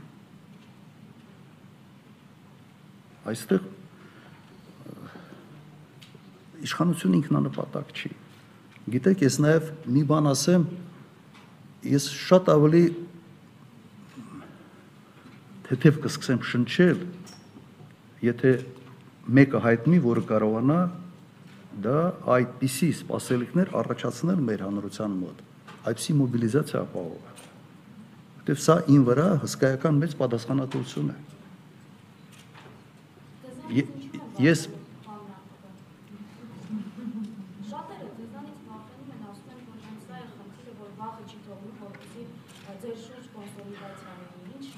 մենակ մերոնք չեն վախենում։ Մենակ մերոնք չեն վախենում, չգիտեմ։ Ինչ ասեմ, ես արդեն կմտնեմ ուրիշ ուրիշ դաշտ։ Հաջորդ հարցը եկեղեցի։ Նայեք, իմ իմ մոտեցումը այստեղ ը, հետևյալն է։ Ամենայն յուրաքանչյուր հայի մոտ կա անկալում, որ մենք դարեր շարունակ պետականություն չենք ունեցել եւ այդ պետականության ֆունկցիան մասնակի կատարել է եկեղեցին։ Ճիշտ է, այսին կալում բոլորիս մոտ կա եւ եւ պատմությունն է այդպեսին մեր։ Հիմա բոլորը ասում են, որ մեր պետականությունը վտանգված է։ Հիմա մենք հետ գնանք այն վիճակին, երբ պետությունը եկեղեցին պետք է սկսի իր դարերի ընթացքում իրականացվող առաքելություն անել, հայապահպանության գործ անել։ Հիմա եկեղեցուն առաջարկում ենք այսպես կանխարգելիչ քայլեր ձեռնարկել, որոշակի դերակատարություն ստանձնել այս գործընթացներում։ Եվ սա ընդհանրապես քաղաքականության հետ կապ չունի։ Մենք սա սա ես չեմ համարի երբեք քաղաքականության մեջ ներգրավումը եկեղեցու։ Սա իսկապես հայրենիքի փրկության ինչ որ քայլ կլինի եւ կլինի այս ավելի շատ կանխարգելիչ մեր պետականությունը փրկելու համար։ Սա է կոնցեպտը։ Սա իմ տեսակետն է, ես այս տեսակետը չեմ քննարկել նույնիսկ եկեղեցականների հետ, ուղղակի տեսակետը որը միգուցե այսօր սկի չի ասի, եթե այդ հարցը ձեր կողմից չհնչեր։ Փաստինֆո, այնուհետև հրաապարակ։ Միջոց Շեղեն Քրիստինե Կանգնեք, որ նկարեն էլի։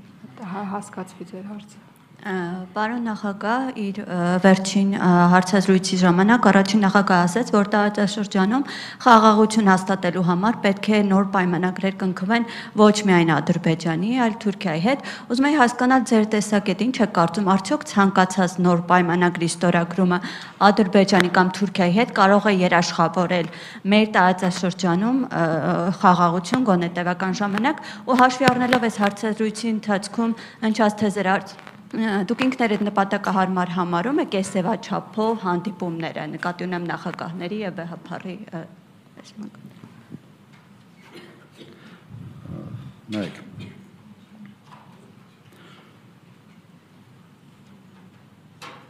ինչ է պահանջում Ադրբեջանը ինչ է պահանջում Թուրքիան Ադրբեջանը պահանջում է ընդհանրապես հրաժարվել Ղարաբաղից եւ տրամադրել Միջանցք, որը կկապի Ադրբեջանը Նախճեվանի հետ։ Հիմա գրեթե նույնն է Թուրքիա։ Թուրքիան ինչ ասում, ասում է դուք միջև չկարգավորեք ձեր հարցերը Ադրբեջանի հետ, մեր հարաբերությունները չեն կարող լիարժեք զարգանալ։ Հիմա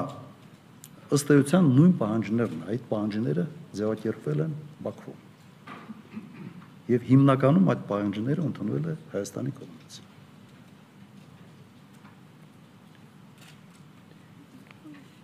Հիմա եթե սա կապիտուլյացիա է, դուք ենթադրում եք, որ այդ կապիտուլյացիան կերաշխավորի մեր անվտանգությունը, ես չեմ համարում։ Ես չեմ համարում, որ սա հարատև խաղաղության հիմք կարող է հանդիսանալ։ Ճիշտ հակառակը Սա միայն ախորժակ է բացելու։ Եվ հատկապես աշխարհը այսօր այնպեսին է, որ ասենց այդ турբուլենտությունը այնպեսին է, որ հույս կապել ինչ որ կենտրոնների հետ, այդ կենտրոնների խոստումների հետ բավական դժվար է։ Եվ սա այն դեպքը չի, երբ մենք պետք է սենք լաց լինել եւ մեղադրել այդ կենտրոններին, թե ինչի այս կամ այն պարտավորությունը չեն անում այդպես չի։ Իրավիճակը այդպեսինն է, ուղղակի պետք է ստապ գնահատել այդ իրավիճակը եւ եւ կրկնեմ մաքսիմալ ձևով մոբիլիզացնել մեր սեփական ուժերը։ Եվ իդեպ այդ դեպքում, եթե դու քեզանից բան ես ներկայացնում, անմիջապես քո դաշնակիցները սկսում են քեզ մեկ այլ ձևով վերաբերվել։ Ավելի մեծ հարգանքով եւ ավելի մեծ պարտավորության զգացումով, թե ինչպես պետք է իրեն կատարեն իրենց պարտավորությունները քո նկատմամբ։ Հիմա դու քեզ չես հարգում, հետո ասում ես եկեք սաղ ինձ փրկեք, ինձ հարգեք, չի նա։ Ինչ վերաբերում է կարիդորին, նայեք։ Այդ Միջանցկի վերաբերյալ, ասենց հապկի համար, օրինակ Ղազախստանի, կենտրոնական Ասիայի երկրների համար։ Մի ասեք, ինչ պետք է իրենք այդ կարիդորի համար ինչ որ մտահոգ։ Այդ միջանցքը իրենց էլ է պետք։ Իրենց էլ է պետք այդ միջանցքը։ Հիմա մենք սպասում ենք, որ այդ պետությունները մի քայլի դեմ պետք է ինչ որ ուժ կիրառեն կամ մասնակցեն ինչ որ կոնֆլիկտի ռազմական մի բանի համար, որ իրեն շայրին է բխում, իրեն շայրից էլ է բխում, դες չի լինում այդպեսի բան։ Եվ Ռուսաստանի համար այդ միջանցքը ասենց բոլոր հարցերի մեջ 100-րդ հարցն է։ Մեզ համար է դա կարևոր։ Մեզ համար եւ մեր հարևանի համար։ Իրանի համար։ Հիմա մենք ճիշտ գնահատենք այդ իրավիճակը եւ այդ ճիշտ գնահատումից իրենց մեր գործընկերների մոտիվացիան ճիշտ հասկանալուց հետո մենք իրենց արժե պահանջներ դնենք։ Հակառակ դեպքում այդ պահանջը օդում կախված պահանջ է մնալու ավելի շատ միգուցե արթարանալու ներսում թե հիշում եք որ ասում են թե ինչի հապ չենք դիմել հետո երկար բացատրություններ գնում թե երրորդ կետով թե չորրորդ կետով կապ չունի ինչ կետով բոլոր կետերով դիմեք հապ կա այստեղ բացի այսպես գալ իմ վիճակին նայել, շատ զգուշ ինչ որ մի հայտարարություն անել, ուրիշ բան չի անելու։ Կրկնում եմ, բոլոր կետերով դուք դիմեք։ Մեկը չի անելու։ Դա չի նշանակում, որ հապկը հապկը պետք է դուրս գալ հապկից։ Դա էլ մի ուրիշ խնդիր է ստեղծելու, թե փորձես նման հարցադրումներով այսօր հանդես գալ։ Դու քեզ դրանով միայն վնաս ես հասցնելու։ Ուրեմն այո, պետք է մնալ հապկում։ Օգտվել այն դիապազոնից, որով որից կարող ես օգտվել այս վիճակում։ Գործընկերներ, խնդրում եմ մեկական հարց, դեռ ժամանակ ունենք, դուք էլ հնարավորություն Վահե Մակարյան, այնուհետև Երկիր մեդիա։ Հրապարակ օրաթերթ։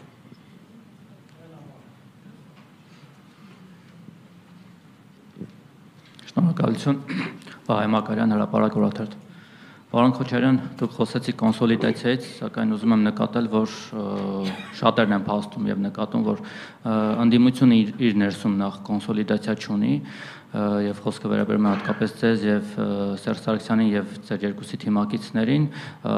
նկատվում է ակնհայտ լարվածություն երկու լիդերների միջև, նաեւ նրանց թիմակիցների միջև, մասնավորապես օրինակ դուք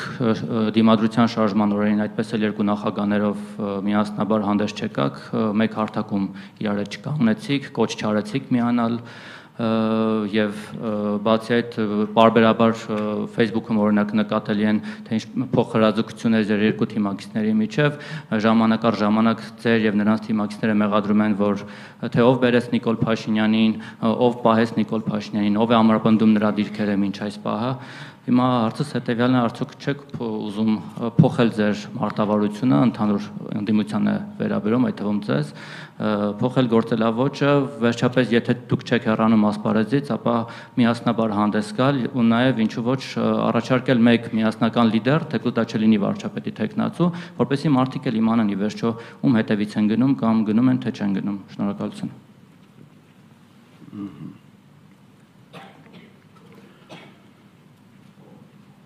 ամենից երևի շատ քննարկվող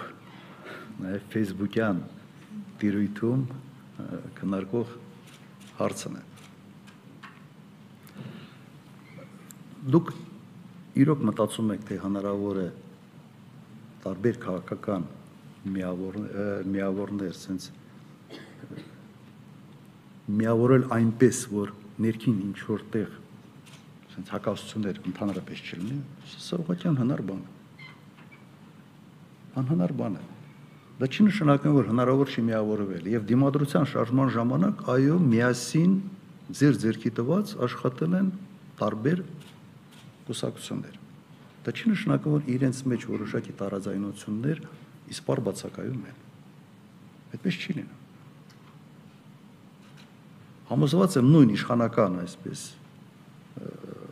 կամ իշխանության հետ առնչվող տարբեր քաղաքական ուժեր եւս ունեն տարբերություններ միգուցե ուղղակի ավելի քիչ է դուրս գալիս այսպես նեղ շրջանակից այդ տարաձայնությունները, բայց կան եւ մամուլում բազմաթիվ նման օրինակներ կան։ Եվ մտածել, որ sense բոլորը բոլորին հնարավոր է sense կաղնեցնել Սմիրնաստոյկայով, sense на первый второй рассчитаясь այդ բանակի բանով չի լինել։ Ուղղակի պետք է հասկանալ, որ այնինչ պահանջներ դուք դնում եք, դա իրականացող պահանջ չի։ Բայց այո, հիմնական նպատակի համար այո հնարավոր է միասին լինել, այո հնարավոր է պայքարել։ Հիմա կոնկրետ դուք ասում եք ես եւ երրորդ նախագահան ինչի միասին մեկ հարթակում չեք կանգնել։ որ միանգամից էլի հին, նոր Ղարաբաղցի, Հայաստանցի թեման մեջտեղ բերենք։ Ինչի համար։ Վերջում մենք գիտենք, որ այդ թեման ամենից խոցելի թեմաներից է եղել մեր դեմողված, ընդդիմության դեմողված։ Այդպես է ստացվել, որ այո, երկրորդ եւ երրորդ նախագահան Ղարաբաղցի են։ Այնպես է ստացվել, որ մենք բանակի ձևավորման հիմքում էին կանգնած։ Այո, մեր հետ կապված է նաև Ղարաբաղի առաջի պատերազմի հաղթանակները մեր անունների հետ։ Հիմա մի կողմից մարդկանց վախեցնում են նոր պատերազմով, վախեցնում են Ղարաբաղով, հին ու նոր պես բաժանող թեզն են կիրառում, հիմա դուք առաջարկում եք, որ մենք այդ թեզի կիրառման համար պատկեր տանք, Դե հիմա մի հարցա դու այդ պատկերը գոնե դու այդ պատկերի ձևավորումը չես մասնակցում։ Նաև նաև այո պատճառներից մեկը սա է։ Հետո հետո գիտեք ամեն մի բանի ժամանակ վերջը դու մտածում ես մի այսպես շարժումների ժամանակ, որ այո, միգուցե ձևավորվեն նաև ավելի երիտասարդ այնպիսի առաջնորդներ, որոնք ինչ որտեղ կարող են ձեզ նաև փոխարինել։ Հիմա ինչ ասեմ, սա է ես միայն ուրախ կլինեմ դուք դուք մի արտահայտություն օգտագործեցիք դուք ասպարեզից չեք գնա ասպարեզը sense sense ընդհանրապես բնությունից թե թե քաղաքականությունից հիմա ինչ անենք մենք? Հիմա կանք ես կամ ես գոյություն ունեմ հիմա դատավոր Դանիբեկյանը ինձ չի թույլ չտալիս որ ես Հայաստանից բացակայ եմ Հիմա ես լինելու մեջ ես ինչ մեղք ունեմ։ Հասկանում եք։ Հիմա այստեղ եմ եւ այնքան ժամանակ ինչքան ես շնչեմ, ապրեմ, Հայաստանում լինեմ, այդ թեման լինելու է։ Վահե ջան, հարցազրույց չի, ասուլիս է։ Դու դուք ինձ հասկանում եք, այսպես է լինելու։ Ինձ օրինակ ինձ հարց հարց հնչեց, աս ինչ է ինձ ձեզանից վախենում։ Ինչ անեմ ես։ Գնամ մի պլաստիկ վիրահատություն անեմ, որ ինձանից չվախենան։ Ասած գիտեք, իմաստությունը մի հետարքիր ձևակերպում միգուցե փորձեմ այստեղ տալ, իմաստությունը երևի նա երբ ամեն ինչ դու հասկանում ես, բայց դա քո տրամադրությունը չի գցում էլ։ Հիմա սա է։ Անցանք հաջորդ հարցին, եթե դեմ չեք, պարոն նախագահ։ Երկիր մեդիա, այնուհետև հանրային հեռուստաընկերություն։ Քաղաքական հարցերի վերաբերալ այս իշխանապողություն եւ այլևալ այդ հարցերում որևէ խնդիր չունեմ ես։ Չենք հավաքում, ամեն օր իրար չենք խոսում, sense քեֆ հորախություն, հարսանիք կնում, թաղում բան չեն գնում, հա, բայց էս է վիճակը։ Մի փնտրեք ինչ որ մի բան, որը որը կամ չկա կամ այն չափին չի, ինչ ուզում եք տեսնել։ Խնդրեմ, Երկիր մեդիա, այնուհետև հանրային հեռուստաընկերություն եւ պոլիտիկ եմ այս կողմից։ Բոլորիդ հնարավորություն կտամ, գործընկերներ ջան, բոլորի ձեռքերը տեսել եմ։ Շնորհակալություն, Երկիր մեդիա Անայդ Հովանիսյան։ Պան Քոչյան մի փոքր ճնշում ճշտում ու անցնեմ բուն հարցին նախագահների հանդիպման հետ կապված ելնելով այն հայտարարությունից, որ պայմանավորվել եք հետագայում նույնպես հանդիպել այնուամենայնիվ կարող ենք ենթադրել, որ կան որոշակի հարցեր, որոնց շուրջ դուք ունեք ընդհանուր հայտարար։ Նույնիսկ եթե բովանդակությունը չգաղտնազերծեք, մենք նման ենթադրություն կարող ենք անել թե ոչ։ Եվ երկրորդ հարցը սա ըստեյության հնչեց, բայց եթե չեմ սխալվում, դուք հարցի առաջին մասին ավելի խորը պատասխանեցիք, ասացիք, որ դեռևս ընդդիմությանը չի հաջողվում այն հանրային ճնշումը ապահովել, որով հնարավոր կլինի հասնել իշխանապողության։ Ինչու չի հաջողվում եւ այստեղ դուք ընդդիմության թերացումը տեսնում եք, թե ոչ։ Շնորհակալ եմ։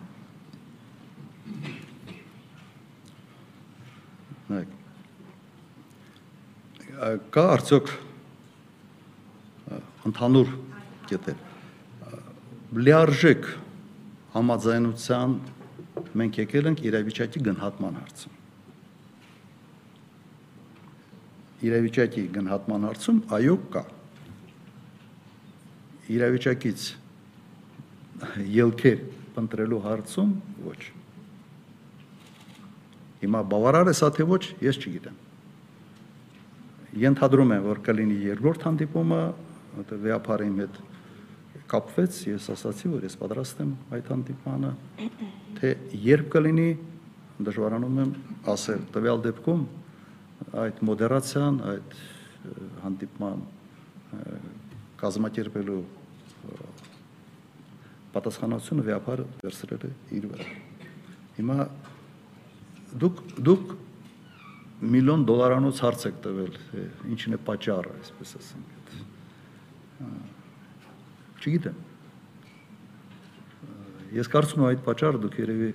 ինձանից ոչ ավելի քիչ ցավալով ենթադրությունների վրա հենված կարող եք կարող եք ասել։ Եթե մենք ասենց հստակ 100%-ով իմանանք, թե պատճառը ինչն է, նո միգուցե մեր քայլերի մեջ ավելի նաև հաստիագրված քայլեր կձեռնարկենք հաղթարելու համար։ Շատ է։ Ես տարբեր փորձագետների հետ խոսում եմ, նաև քաղ տեխնոլոգների հետ եմ փորձում խոսել տարբեր մարդկանց հետ եւ տեսնում եմ, որ ամեն մեկը իր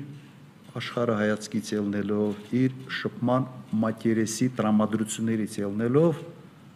տարբեր պատճառներ են բերում։ Պատճառներից մեկն էլ միգուցե նաև նա է, որ այ նախկին նախագահներ, հին ու նոր, թեկուզ մենք այդ հարթակին չենք էլ երևացել։ Այո, սա էլ է պատճառներից մեկը։ Վախը պատերազմը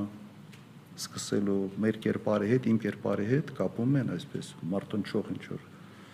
մի բան, ոչ ճկուն եւ մտածում եմ, որ իմ բարագայում կարող է նոր պատերազմ հրահարվի։ Չէ, այդպեսի բաներ կա, այդպեսի մտավախություն կա։ Հիմա մարդիկ մոռացել են, որ իմ նախագահության 10 տարվա ընթացքում մենք տվել ենք ամենից քիչ զոհեր, ամենից հանգիստ վիճակն ենք մենք ունեցել շփման գծի վրա եւ ամենից շատ հանդիպումներ եւ շփումներ ենք ունեցել Ադրբեջանի հետ։ Եթե մոռացել եք այն ժամանակ պատվիրակություններ էին գալիս Հայաստան, օրինակ նույն ԱՊՀ-ի շրջանակներում նախարարներ էին գալիս Ադրբեջանի, մերոնք էին գնում Ադրբեջան, վարագրողական խմբեր էին գալիս, որոնց ես ընդունում եի, որոնց մենք ուղարկում էինք Ղարաբաղ, իրենք Ղարաբաղում էին նաև շփում մարդկանց հետ։ Այս ամենը ես ենթադրում եմ, որ արդիկ մոռացել են։ Մոռացել են։ Ես այն ժամանակ բազմաթիվ անգամ ընդունել եմ պատվիրակություններ ԱՊՀ-ի, որի կազմում եղել են Ադրբեջանի նախարարները կրթության նախարարը, ես հիշում եմ ոստիկանապետ այն իրենց մոտ ներքին գործերի նախարարը, եթե չեմ սխալվում, եւ մի, մի շարք այդ եղել է սա։ Հիմա սա մոռացել են եւ միայն այսպես պատերազմի պատերազմ հաղթած նախագահի կերպարն է այսօր ավելի բյուրեղացել մարդկանց պատկերացումների մեջ։ Հիմա լավ է սա, թե լավ չի։ Ես կարծում եմ այն միջավայրը, որը ստեղծվեց անվտանգության տեսանկյունից, միգուցե դա բերեց նրան, որ բյուրեղացել է այդ պատկերը։ Բայց իրականում մարդիկ մոռանում են, թե ինչ կարգի ինտենսիվ բանակցություններ եւ ինչ կարգի շփումներ մենք ունեցել ենք Ադրբեջանի հետ 98 2008 թվականների ընթացքում։ Խնդրեմ հանրային հերոստանգերություն, այնուհետև այս կողմից պոլիտիկայում։ Պարոն նախագահ, դուք ասացիք, որ ավելի հավանական եք համարում մասնակի իշխանապողությունը, որը տեղի է ունենում խորհրդարանում։ Այս դեպքում, երբ ձեր քաղաքական ուժը խորհրդան չի վերադառնում, նիստերին չեն մասնակցում, իսկ վերջին շրջանում փորձեր արվում, հա, այո, ստորագրահավաք ստորագրություններ հավաքել, որբիսի անվստահության գործընթաց սկսվի վարչապետի նկատմամբ բավարար ստորագրություններ չհավաքվեց Այս ամենը համադրելով պարոն Քոչարյան, ինչպես եք համարում հավանական մասնակի իշխանապողությունը, այն էլ խորհրդարանական ճանապարհով։ Նայեք, ես ուղղակի ասել եմ, թե ինչ կարգի իշխանապողություն կարող է լինել։ Եվ իմ գնահատականով այսպես մասնակի բնութագրում ստացած տարբերակը ասենց ասեմ ավելի թեթև տարբերակ Հիմա ես ես չեմ կարող ասել, որ ինքը ավելի թեթև, միգուցե բառը ճիշտ չեմ օգտագործել, ինքը ավելի թեթև տարբերակ է, միգուցե հավանականություն բառը ավելի սխալ եմ օգտագործել, բայց անդիմության խորհրդարան գնալ, չգնալը դրա հետ կապ չունի։ Նույնիսկ այդ տարբերակը կաշխատի միայն մեծ հանրային ճնշման պարագայում։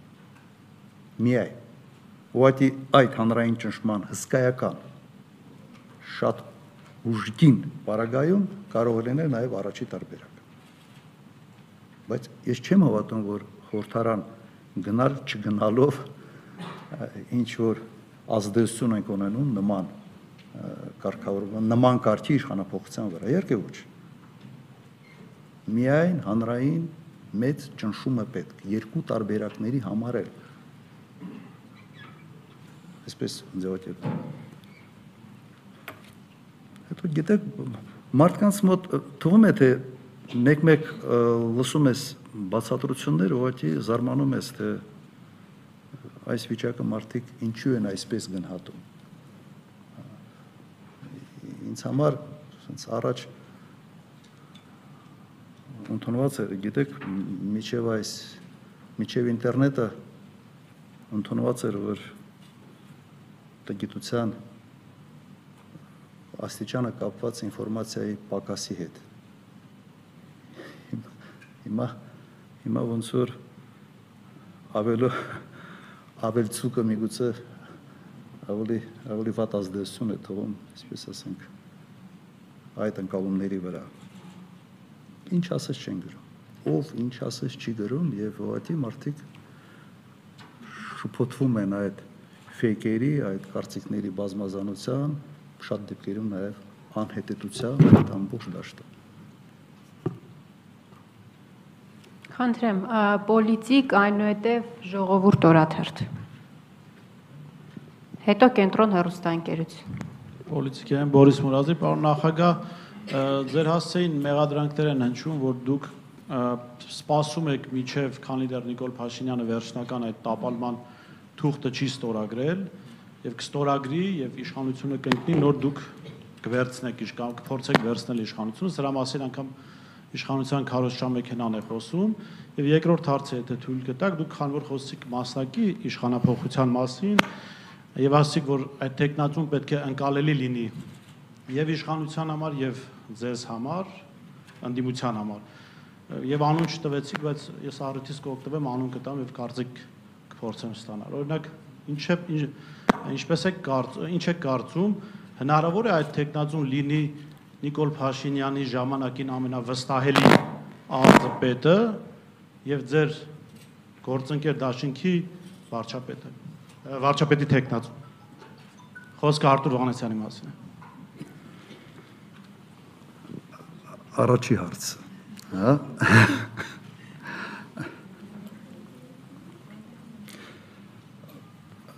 Բորիս, ես նույնիսկ չգիտեմ առաջի հարցին ոնց պատասխանեմ։ Այդ նույն թեզն է գալիս։ Այդ նույն թեզն է գալիս։ Քանի դուք կաք, հա, քանի ես կամ իմ, իմ մասին դա մտածելու է։ Ասում է սպասում է, լավ, չեմ սպասում, ինչ անեմ։ Հասկանում եք, հիմա ես գիտեմ, որ անընդհատ դա փորձելու են գրել։ Ուրեմն իրենք այնպես անեն, որ իրենց կայացրած որոշումները որևէ ընդվզում նման կարգի ընդվզում Հայաստանում տեղի չունենա։ Ընտրեմ, սրա սրա լուծումը շատ པարզ լուծում այդ իրենց աչքերով միգուցե ավելի եւ ականջներով ավելի տեսանելի եւ ավելի ավելի ընկալելի մոտեցում է լինելու։ Ես իրականում ձեր հարցին պատասխանը չունեմ։ Չունեմ, որովհետեւ Իրականում այդպես չի։ Եթե դա լիներ այդպես, ես չէի մասնակցի 21 թվականի խորհրդարանական ընտրություններին։ Չէի մասնակցի։ Չէի կսպասեմ, կասեմ, ես ասա ամեն ինչ ավերվի, հետո այդ ավերակների վրա գամ ես դառնամ վարչապետ։ Ես մասնակցել եմ այդ ընտրությունների։ Եվ եւ դուք տեսել եք քարոզարշավի ինտենսիվությունը։ Մասնակցել եմ անմնացոր, փորձել ենք հասնել հաջողության։ Չի ստացվում։ Հիմա այդքանը մոռանալ, մոռանալ դիմադրության շարժումը, այդ երկու ամիսը փողոցներում անդիմության падգամավորական ամբողջ կազմը ուղղակի տուն չէր գնում գրեթե։ Եվ դա մոռանալ եւ ասել, որ սпасում են, որ ամեն ինչ փլվի, հետո գան իշխանության, ուղղակի արդար չի, ազնիվ չի։ Իսկապես ազնիվ չի։ Միգուցե դա հետ եմ գալիս այդ իմ վերջի պատասխանին, այդ վերջի նախադասությանը, որ մեր միջև ինտերնետը ինֆորմացիայի պակասությունը համարվում մեր տգիտության բան էլի պատճառ։ Փոխվել է։ Շատ են խառնում տարբեր տեղերից։ Այսքան։ Չէ, իսկապես արդար չէ դա։ Ժողովուրդ Երկրորդ հարցը հիշեցրեք ես։ Ոնց որ միած սուրժել պիտի խմեմ արդեն։ Հա։ Բայց բայց այդ հարցի Եվ ասում եք պետք է տեխնատուն ընկալելի լինի եւ իշխանության համար, եթե նման սցենար լինի։ Հա, չէ, ես նու քանի որ ազնվորված հարց է, մենք այդ հարցը չենք քննարկել։ Չէ, չեմ ասում քննարկել եք, ուղղակի հենց քան որ այստեղ ասացիք միտք առաջացավ հարցը։ Կարծեք թե հանեցյանը ժամանակ իրենց համար հիմա ձեր գործընկեր դաշինքի ղեկավարներ որևէ անուն, որևէ անունը ես չեմ տալու, որևէ անուն, գիտակցելով, որ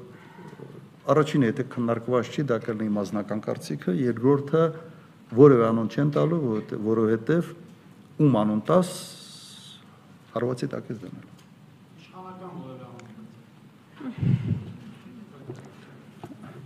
Անցնենք հաջորդ հարցին ժողովուրդ օրաթերթ։ Հերթ ժողովուրդ օրաթերթ Սևակ Վարդումյան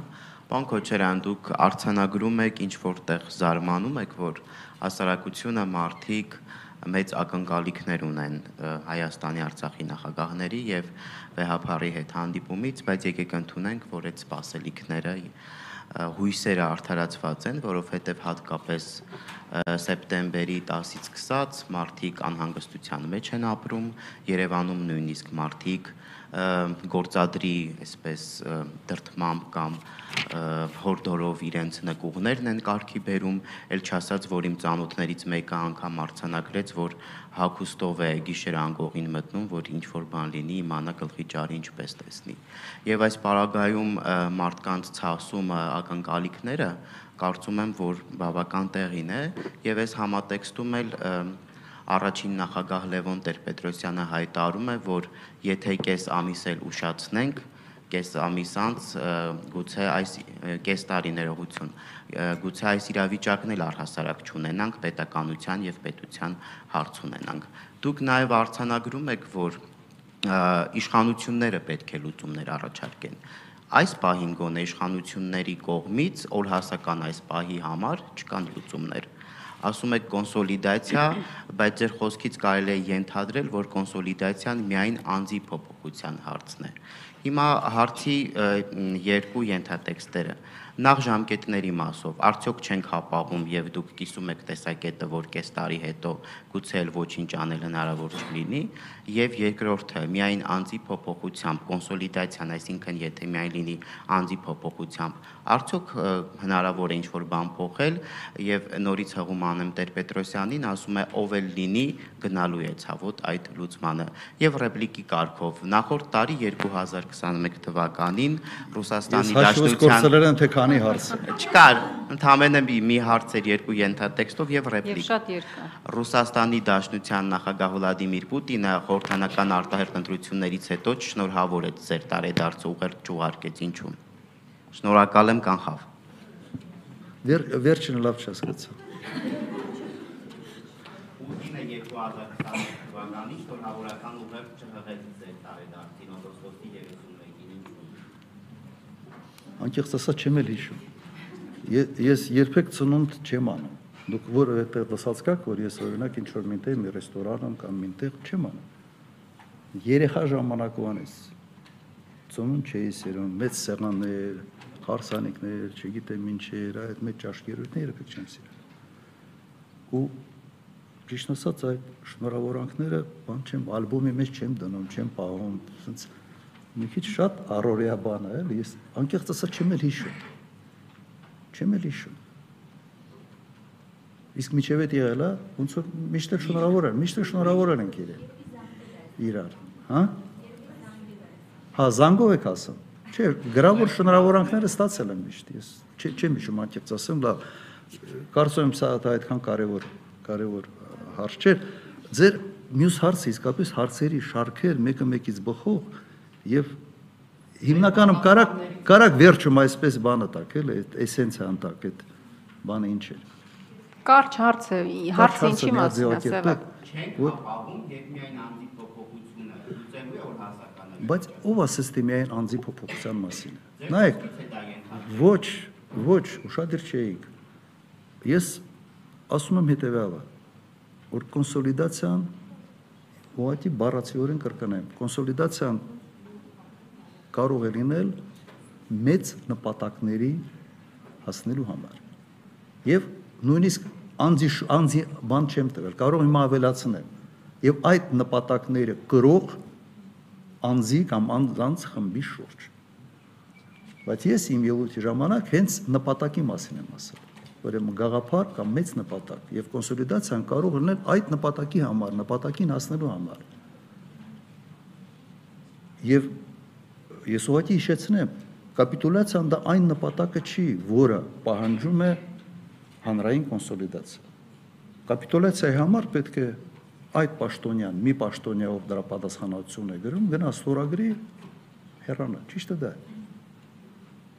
Որտեղ կոնսոլիդացիայի կարիք չկա նման կարգի թղթեր ստորագրելու համար։ Կոնսոլիդացիան պետք է մեծ նպատակի համար։ Սա եմ ես ասել։ Հիմա դուք քանի որ սենց ասեմ, ես չեմ ուզում այկիդո անեմ եւ ձեր հարցին չպատասխանեմ, դուք վերաձևակերպեք ձեր հարցը։ Չենք ապահովում տեքստարի Հա, ժամանակը նույնիսկ իմ տպավորությամբ կես տարին էր ավելի շատ ավելի մեծ ժամկետ է ասվել, քան իրականում վտանգները մեզ հուշում են։ Ես նույնիսկ այդ կես տարվա հետ կապված ես այդտեղ համաձայն չեմ, ես կարծում եմ վտանգները շատ ավելի այդ ռիսկերը շատ ավելի շուտ կարող են աշխատել մեր դեմ։ Հիմա ուղղակի եւս սպասելիքները այդ ֆորմատից հասկանում եմ ինչի համար են ձևավորվել, բայց այդ սպասելիքները մի քիչ ասենց ասեմ չափազանցված են այն տեսանկյունից, որ պետք է սпасել ճգնաժամերի լուծումը իշխանություններից, սա արդեն ասել եմ ես այսօր։ Իսկապես ասել եմ, ես հասկանում եմ, որ երբ որ իշխանության այդ հույս չեն կապում ընդհանրապես, սկսում են փնտրել եւ ավելի մեծ սпасելիքներ կապել այլ ֆորմատների հետ կամ այլ անձերի հետ։ Սա ես ընդունում եմ, ճիշտ եք ասում։ Հիմա մենք կփորձենք այդ ֆորմատի շրջանակներում հնարավորինս անել, եթե գանք համաձայնության։ Բայց այս հարցի հասցեատերը իշխանությունն է։ Եվ հատկապես եթե իշխանությունը հանրային կոնսոլիդացիայի կարիք չունի, ուրեմն ուղղակի սամնալու է մեր շրջանակներում քննարկվող ինչ որ մի թեմա,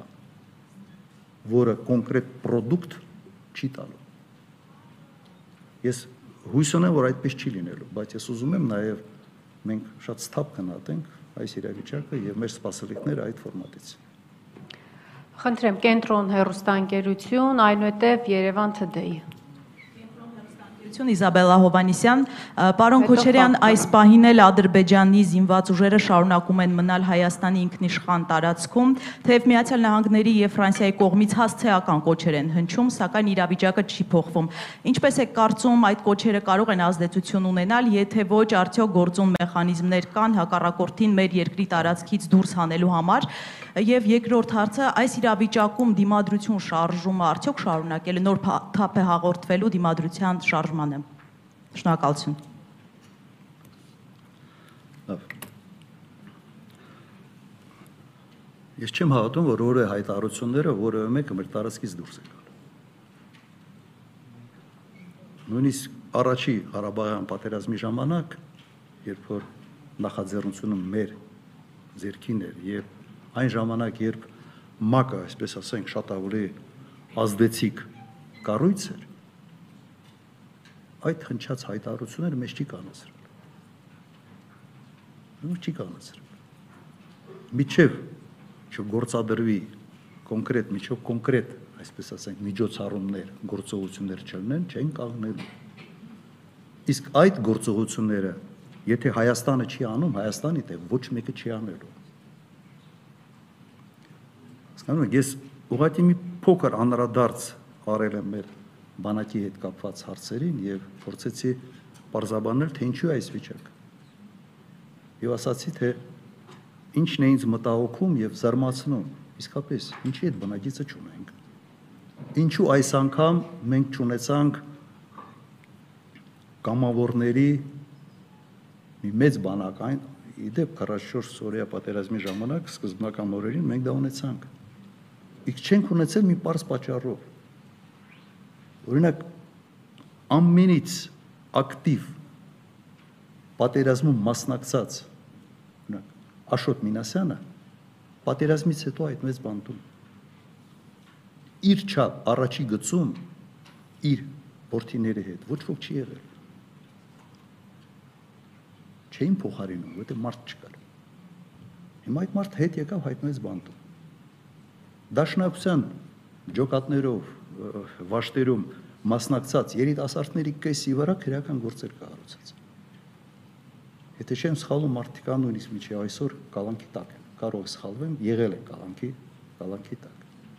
Հիմա եւ դուք ուզում եք, որ որ հիմա մենք ինչ որ ավելի մեծ բանակ ընկալեք, այս անգամ ի դեպ զինվորը կռվեց։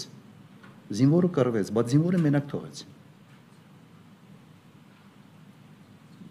Գիտեք, այսպեսի մի բան կա։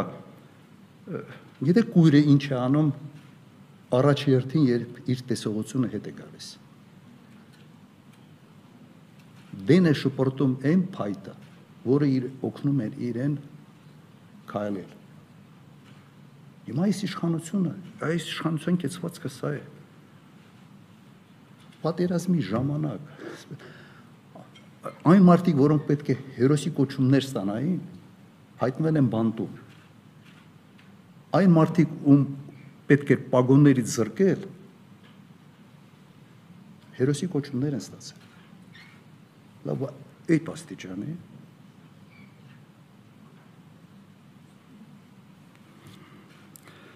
Հիմա մեխանիզմը սա է, առաջերտին քո կոնսոլիդացիան, քո բանակը եւ հենց քեզանից դու մի բան ներկայացրեցիր քո հետ տարածաշրջանում հետաքրքրություն ունեցող երկրները սկսելու են բանակցել։ Սկսելու են քեզ օգնել։ Սա է մեխանիզմը, ուրիշ ուրիշ մեխանիզմ ուղղակի չկա, ասենց բաներ չորին են, էլի։ Երևան Today, Live News, այնուհետև Factor։ Այս շարքում են մնացել երկու հարցել են տա։ Շնորհակալություն։ Պարոն նախագահ, կարծիքներ կան, որ Նիկոլ Փաշինյանը չի հեռանում զուտ սեփական անվտանգությունից ելնելով։ Մենք տեսնում ենք ինչքան է բարթացել վիճակը, անգամ երաբլուր կամ չի կարողանում գնալ կամ գնում է մեծ դժվարությամբ։ Ինչ կարծիք ունեք, արդյոք դա է պատճառը, որ նա չի հեռանում եւ արդյոք պետք է նրան տալ հեռանալուց հետո այդ անվտանգության երաշխիքները։ Սևագես իրականում այս դաշտը չեմ ուզում մտնել։ Ես չգիտեմ ինչն է ասես չերանալու մոտիվ։ Կարող է միայն ենթադրություններ անել։ Եվ բազմաթիվ եւ Facebook-յան տիրույթում եւ տարբեր լրատվական միջոցներում այդ գնահատականները տալիս են։ Իսկապես չեմ ուզում այդ դաշտի մեջ մտնել, որովհետեւ չգիտեմ։ Հիմա ինչ վերաբերվում է գնալու պարագայում այդ հումանիտար միջանցք, դրա մասին առաջի անգամ չի որ ասենց խոսակցությունը բացվում է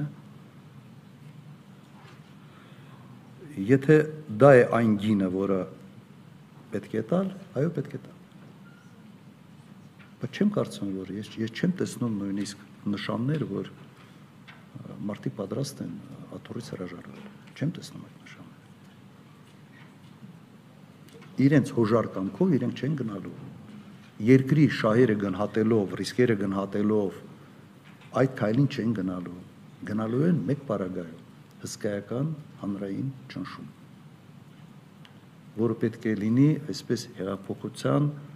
հեղափոխական փոփոխությունների եզրին գնալու համար։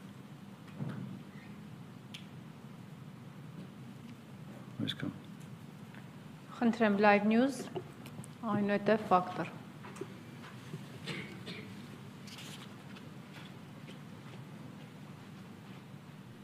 Շնորհակալություն Ռաֆնիսյան Ժամանցյան, պարոն նախագահ, շնորհակալություն հնարավորության համար։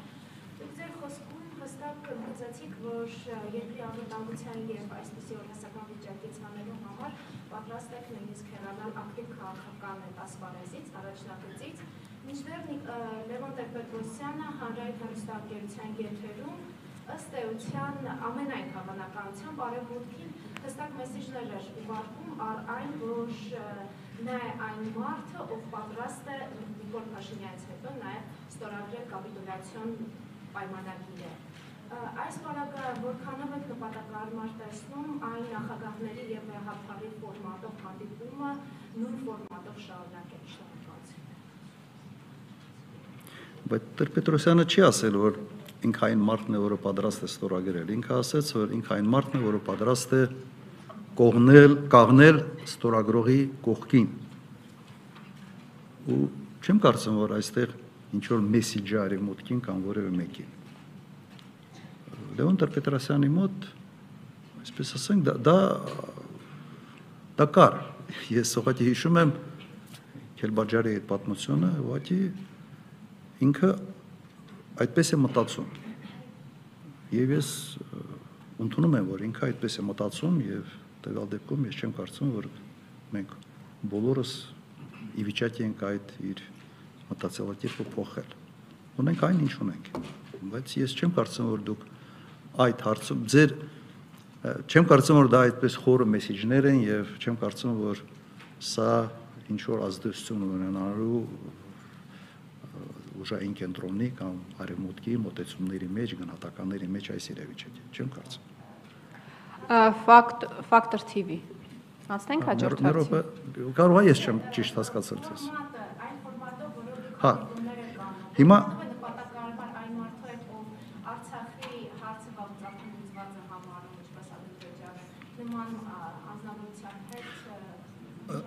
նայեք, մեր առաջի հանդիպումը ասենց ասեմ, մենք գրեթե այլ տարբերակներ չենք էլ քննարկել, որովհետև այդ տարբերակը արդեն ասենց կանգնեցրեց այլ տարբերակների քննարկման նույնիսկ բան է, ցանկություն օրինակ իմ մոտ այդ հանդիպան ժամանակ։ Ասենց ասեմ, ես նույնիսկ լավ, մի փոքր բացեմ, ես ասել եմ, նո անիմաստ եմ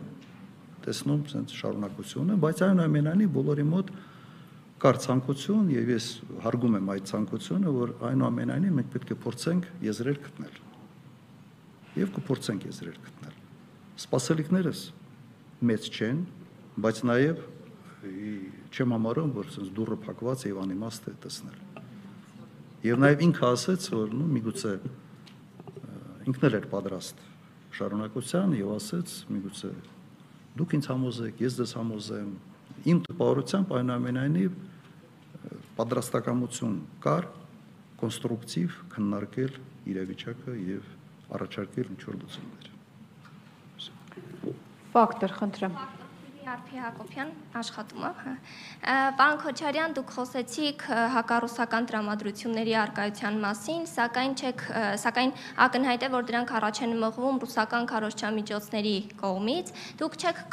մտածում, որ պետք է տարբերակել հակառուսական այդ տրամադրությունները Կրեմլի քաղաքականության նկատմամբ դժգոհություններից, որովհետև մենք բազում հարցումներ ենք իրականացրել եւ մեր հասարակությունը ոչ թե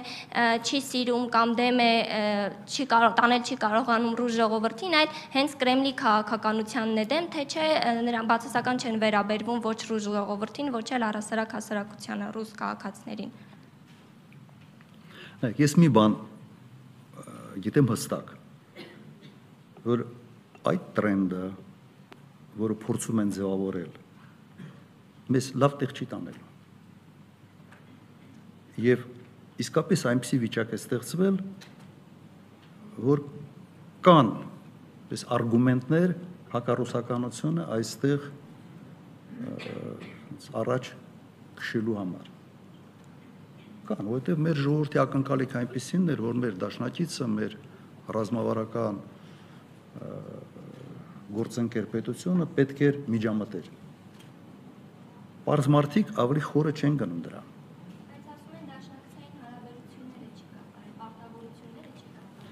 հասկանում եմ։ Դրա համար իմ այսօրվա ելույթի մի զգալի մասը հենց դրան էր նվիրված։ Մենք պետք է ճիշտ գնահատենք Ռուսաստանի հնարավորությունների սահմանը այս վիճակում։ Հնարավորությունները ոչ միայն ֆիզիկապես, այլ հնարավորությունների սահմանը, այն սահմանը, որտեղ իրենք սկսում են հակասել իրենց ազգային շահերին։ Այդ ազգային շահերը մենք չենք ձևակերպ իրենք ձևակերպել են իրենք նաև ադրբեջանին համարում են դաշնակցային պետություն Ռուսաստանի համար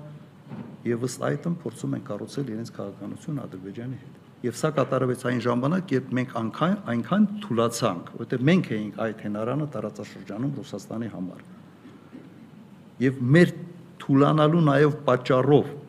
սկսեց մի process, այս տարածաշրջանում ավելի ամրացնելու Ռուսաստանի ներկայությունը, Ռուսաստանի շահերը։ Հասկանում եք, սա է, սա է վիճակը։ Համենայն դեպս ես հասկանում եմ, որ հնարավոր է այսօր այդ տրամադրությունները գեներացնել Հայաստանում։ Եվ դրա համար ասացի, որ այդ տրամադրությունների պուլտը ինձ տպավորություն, որ Ալիևի ձերքին է։ Պատկերացրեք ամիսը 1 կամ 2 ամիսը 1 ինչ որ մի հարձակում, կորուստներ, եւ ամիսը մեկ Հայաստանի իշխանությունները դիմում են Ռուսաստանին, դիմում են Հապկին եւ մի 5 անգամ այս այսպիսի մի sense ալիքներ եւ հակառուսականությունը Հայաստանում շատ լուրջ արմատներ է գցելու։ Ինչը մեզ լավ տեղ չի տանելու հաստատ։ Աշխարհը փոխվելու է, շատ բան է փոխվելու, այն ամենայնիվ Ռուսաստանը մնալու է մեր ռազմավարական գործընկերը։ Խնդրեմ։ Ես Դա չէ, գիտեք, հարցը երբ որ ես ասում հակառուսականությունը, չեմ ասում որ մենք ռուս ժողովրդի դեմ։ Տվյալ դեպքում խոսքը գնում է հենց պետության դեմ քարոզը։ Ինչ ուզում ես արա այդ քարոզը որոշակի պրոյեկցիա ունենում նաև վերաբերմունքը երկրի նկատմամբ ընդհանրապես։ Չես կարող երարից անջատել, չի լինի անջատել։ Խնդրեմ, Անի Ներկայացեք։ Թերթ եմ Անի Հակոբյան։ Պարոն Քոչարյան, առաջիկայում ինչ պլաններ ունի ռադիկալ ընդդիմությունը, որովհետև ըստեյության խորհրդարան չի գնում, փողոցային պայքար չկա, իսկ այն քաղաքացիները, ովքեր գնացել են եւ այսօր էլ պատրաստ են գնալ ընդդիմության հետևից, ստեղծված իրավիճակում սպասում են հստակ գործողությունների։ Ինչ սպասել առաջիկայում։ Խորհրդարան խորհրդարանի բոյկոտը այնուամենայնիվ հիմա մասնակի բոյկոտ է, տեսնում եք, որ գոնե շենքը գնում են եւ ինչ որ որոշ խորհրդարանային գործիքակազմը ընդդիմության կողմից խորհրդարանական ընդդիմության կողմից օգտագործվում է այսօր։ չեն մասնակցում նիստերի եւ բացատրությունը տրվել է նաեւ ինչի համար։ Հիմա փորձում ենք մշակել հիմա աշխատանքը գնում թե ինչ կարող ենք անել, որ անդիմադիր շարժման այսպես նոր աճի կետերը գտնենք։ Դեռ վերջնականացված չի այդ ծրագիրը։ Սա հասկանում եմ, որ հիմա կարող է հարց հետևել հետ, հետևալ կերպ արձագանքեք, ժամանակ չունեք, ժամանակը սուղ է։ Այո կա։ Բայց նաև մենք չենք ուզում եւս մի ալիք սկսել, որը կհիաստապեցնի մեր ժողովրդին։ Եթե պետք է դեմոկրատիան շարժման ծավալով ամեն ինչ լինի, մենք գիտակցում ենք, որ այդ ծավալը բավարար չէ։ Ուրեմն կամ պետք է նոր ուժեր, նոր մարտիկ ներգրավենք այս process-ի մեջ, կամ պետք է չաներ քայլեր, որոնք ի սկզբանե դատապարտված են լինելու անհաջողության։ Իրականում ես չեմ համարում դիմադրության շարժումը անհաջողություն, որովհետև այդ շարժումը չի սկսվել իդեպ իշխանապողության թեզերով։ Ուղղակի ես դες հիշեցնեմ, չի սկսել իշխանության իշխանապողության թեզերով։ Սկսվեց այն ժամանակ նշաձողը իջեցնելու թեզը խորհրդարանում արչապետի հնչեցնելուց հետո եւ ես համոզված եմ եւ նաեւ գիտեմ, որ այդ թղթերը ստորագրված կլինեին արդեն, եթե չլիներ դիմադրության այդ շարժում։ Իսկ նպատակը դա էր, ընթացքում ուղղակի զանգվածի, էներգետիկան այդ շարժման զանգվածի տրամադրությունները բերեց նաև այդ կարգախոսների, բայց իրականում սկիզբը սկսվել է այլ կարգախոսներով այդ շարժման Այդ պատճառով ես չեմ համարում, որ մենք այնպեսի մի նշաձող ենք մեզ համար դերել, որին չենք հասել, ոչ։ Հենց ինչի համար սկսել ենք, այդ նպատակին մենք կարելի ասել, հասել ենք այս սկզբնական դրված մեր նպատակին։ Հիմա պետք է այն վիճակն է, որ պետք է ուրիշ նպատակ դնել։ Եվ պետք է հասկանալ, որ մենք եթե ավելի ուժգին շարժում չկարողանանք ձևավորել, ապա չի ստացվելու։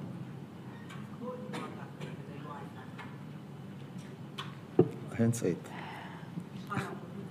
Իհարկե։ Armen Press, Armen Press, խնդրեմ ձեր հարցը։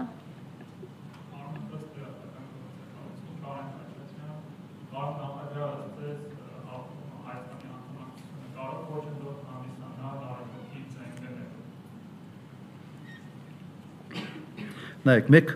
հապկի անդամ էինք, բայց մենք նաև Եվրոպայի զենք էինք գնում նույնիսկ նույնիսկ մեր առաջի զենքի խմբականակը դեռ 91 թվի սովետ կար հələ սովետը փլզված չէր մենք գնել ենք եվրոպայից նույնիսկ այն ժամանակ բավական մեծ խմբականակ չեմ բացում թե որ երկրից ոնց որ երկրի միջոցով ենք բերել այսպես ասենք միջնորդված բոլոր այդ հնարավորությունները կար։ Մենք գնում էինք եւ Չինաստանից, եւ Եվրոպայից ենք ենք գնել, եւ Ռուսաստանից։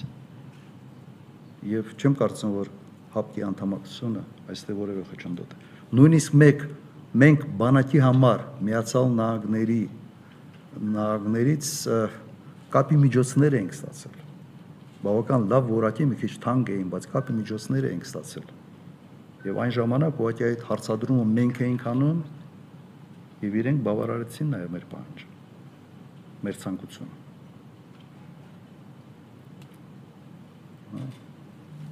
Եվս մի քանի հարց եւ ավարտում ենք ըստ էության, խնդրեմ Աստրիկ, Անտիֆեյք, այնուհետև Պանորամայի եմ այս կողմից։ Աստղիկ Մաթևոսյան, Անտիֆեյք եմ, պարոն նախագահ, ամփոփելով ոչ այս ձեր արված հայտարարությունները, ամբողջացնելով դրանք, խնդրում եմ պատասխանել. ինչ կշահի Հայաստանը բանակցողի փոփոխության դեպքում մինչև այսպես ասած խաղաղության պայմանագրի ստորագրումը եւ արդյոք հնարավոր կլինի խուսափել կապիտուլյացիայից։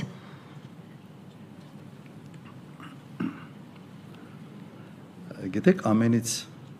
հետարքիրը ինչն է նաև իմ տպավորությունը այս հանդիպումից միշտ ես հասկանում եմ դուք եք տպավորություն որոշակի ստանում իմ պատասխաններից ես եմ տպավորություններ որոշակի ձևավորում ձեր հարցերից բոլորի մոտ հարցերի մեջ հնչում է հետևյալը. Կապիտուլյացիան անխուսափելի է քանի այս իշխանությունն է բայց եթե փոխվի բանակցողը արդյոք ինչ որ բան կարա փոխվի չէ այդպես է ճիշտ եմ չէ հասկանում ձեզ հիմա նայեք բոլորը հասկանում են որ այս իշխանությունը գնում է կապիտուլյացիա հիմա ստեղից չի գալիս եզրակացություն որ պետք է փոխել իսկապես պետք է փոխել։ Կա 100%-անոց երաշխիք, որ անպայման ինչ որ ամեն ինչ փոխվելու է։ Ոչ։ Բայց կա շատ մեծ հավանականություն, որ այո, փոխվելու է։ Հիմա մենք ուղղակի գլուխները sense քաշ գցած sense գնանք կապիտուլյացիայի ծրագրով, թե փորձենք ինչ որ բան փոխել։ Ղարաբաղը կորցնելու, այսպես ասենք, անխուսափելիությունը եղել է 92 թվականի հուլիս ամսին։ Ինչ ենք արել։ Փոխել ենք այն ժամանակ ստեղծվեց պետական պաշտպանության կոմիտե, ես վերցրեցի ին վրա պատասխանատվությունը եւ երկու ամիս անց արդեն մենք սկսեցինք մեր ռազմական գործողություններ հարձակողական եւ հասանք լուրջ հաջողությունների։ Հուլիս ամսին ոչ մեկը հավատ չուներ Գիտեք, բաներ կա, որ եթե դու ինքդ հույս չունես, որ ինչ որ հաջողության կարող ես հասնել, երբեք այդ հաջողությունը չես ունենալու։ Միայն պայքարի ժամանակ է։ Կրկնեմ այդ միտքը, ինչ որ դուր բացվում։ Եվ դուրը ոչ թե ինքը իրենով է բացվում։ Ըստ էության դուրը բացվում է քո պայքարի շնորհիվ Առաջին նախագահը իր հարցազրույցի ժամանակ երկու օրինակ բերեց, եթե չեմ սխալվում, մեկը Ճապոնիայի, մեկը Դաշնակցության եւ բոլշևիկների։ Ճապոնիան մինչ այսօր խաղաղության պայմանագիր Ռուսաստանը չի ստորագրել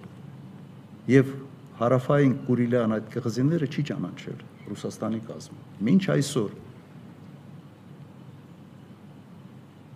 իսկ բոլշևիկները ու դաշնակցությունը երբ պայմանավորվել են, ուղղակի դաշնակցությունը իշխանությունն է հանձնել ըստ էության, կորցրել։ Այդ երկու տարբեր այդ երկու բերած օրինակն էլ ավելի է խոսում հակառակ, այսպես ասենք, տրամաբանության օգտին։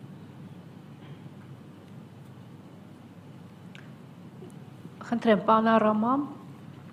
Այնուհետև 5-րդ ալիքը Աննայի ձեռքը տեսնում եմ 24 News եւ Հանրային ռադիո եւ ավարտում ենք կարծես։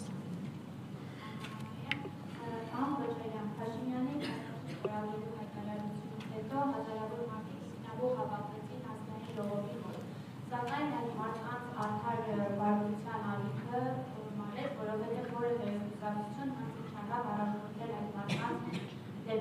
դեպի գործողություն։ Դրանից հետո հանրության մոտ այն կարծիքն է, որ իրականում չկա որևէ ուժ, որ ուզում է ղեկավարել Նիկոլ Փաշինյանի ավիրած երկիրը։ Այդ հարցը հնչեցրել են իմ հանդիպան ժամանակ կինո Մոսկվայում։ Եթե չեն սխալվում, մենք չենք տվել, չէ՞ պատասխանը։ Նայեք, Մոտ 2 օր, երկրորդ օրն էր զոհված զինվորների, ծնողների ակցիաներ այնտեղ ըստ էության ակցիա փոքր հանրավակ process կար եւ տպավորությունը այնպեսին էր ոչ թե տպավորությունը այնպես ստացվեց որ այդ ինքնաբուխ հավաքը այդ հարթակի շուրջ ձևավորեց եւ այդ հարթակի կոպիտ ասած տերը ծնողներն էին զոհվածների այդպես ստացվեց Հիմա դուք ո՞նց եք պատկերացնում, մենք գնայինք միկրոֆոնի կռիվ տայինք։ Ոչ։ Եվ այդ զանգվածը այսպես ասենք միայն Հայաստան դաշինքի կողմնակիցները չէին կամ պատիվ ունեմ դաշինքի։ Այո, բավական ասենց մեծ զայրույթի էներգիա իր մեջ պարունակող զանգված էր, բայց այդպես ստացվեց։ Հիմա ու Լավ, շարունակեմ։ Թե չի ավել բաներ եմ ասելու, հետո քննարկումների քննարկումների թեմա է, թեմա է դառնալու։ 5-րդ ալիք Ինչքան մնաց մեզ 5-րդ ալիք 24 news եւ հանրային ռադիոն։ Գեորգյանի Կարնե Մանգասարյան, պարոն նախագահ, բանակի հետ կապված ձեր մտահոգություններին եմ ուզում անդրադառնալ, ասացիք, որ երկու տարին ըստ էության ոչ մի բան չի արել իշխանությունը, բայց վերջերս Նիկոլ Փաշինյանը ասաց, որ մենք փող ունենք, բայց մեզ զենք վաճառող չկա։ Ինչ է կարծում սա Փաշինյանի հերթական, այսպես ասած, կարելի ասել պոպուլիստական հայտարարություն էր, թե սրա տակ լուրջ, այսպես հիմքեր կան, որ երկրները չեն մեզ զենք վաճառում։ Կա նման խնդիր այս պահին։ Շնորհակալ։ Նայեք, ես 10 տարի նախագահ լինելու ժամանակ նման խնդիր չեմ ունեցել։ Ես նույնիսկ լավ չեմ պատկերացնում թե ինչու պետք է այսօր նման խնդիրներ առաջանար։ Ես չեմ հասկացել վարչապետի ելույթի այդ հատվածը։ Հիմա եթե դու ուղղակի մեկին ասում ես դե զենք ծախի, նա ասում է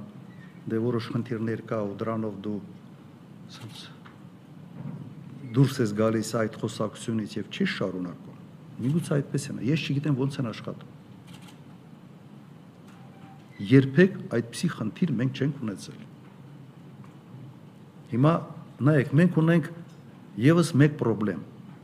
Օրինակ 44 օրյա պատերազմի ժամանակ Վրաստանը փակեց իր օթային տարածքը եւ Ռուսաստանից այստեղ ռազմական օգնություն տեղափոխելը խնդրեմ դառավ։ Մեծ խնդրեմ։ Հիմա երբ որ ես այդքի խնդիր չեմ ունեցել եւս 10 տարվա ընթացքում։ Չեմ ունեցել այդքի խնդիր։ Հիմա ինձանից հետո երրորդ նախագահի ժամանակ Հայաստանը գնեց Ռուսաստանի ամենից ժամանակակից զենքերից մեկը Իսկանդեր։ Ոնց են բերել Հայաստան։ Ինչի էր հաջողում դա անել։ Իմ ժամանակ, երրորդ նախագահի ժամանակ եւ ինչու դա խնդրեմ դարավ հիմա։ Այդ հարցադրումները ինչ չպետք է տակ, ես չգիտեմ որտեղից է դա գալիս։ այդպիսի խնդիր չկա։ Եվ երբ որ Վրաստանը փակեց օթային տարածքը, ասեմ դա լուրջ ազդեցություն ունեցավ նաև պատերազմի արդյունքների վրա։ Հիմա երբ որ Վրաստանի վարչապետի հետ գրկվում են, այդ հարցը չեն տալիս, թե պատճառը ի՞նչն էր։ որտեղ հստակ գիտենք, որ Թուրքիան շարունակում էր մատակարարել զենք եւ զինամթերք Ադրբեջանի։ Հենց այդ ժամանակահատվածում որն է պատճառը։ Եվ հենց այդ կոնտեքստում, որովհետեւ պատկերը նույնն է, Վրաստանը իր տեղն է, Վրաստանը մեր հարևանն է, մենք սահման չունենք Ռուսաստանի հետ եւ նույն խնդիրը առաջանալու է։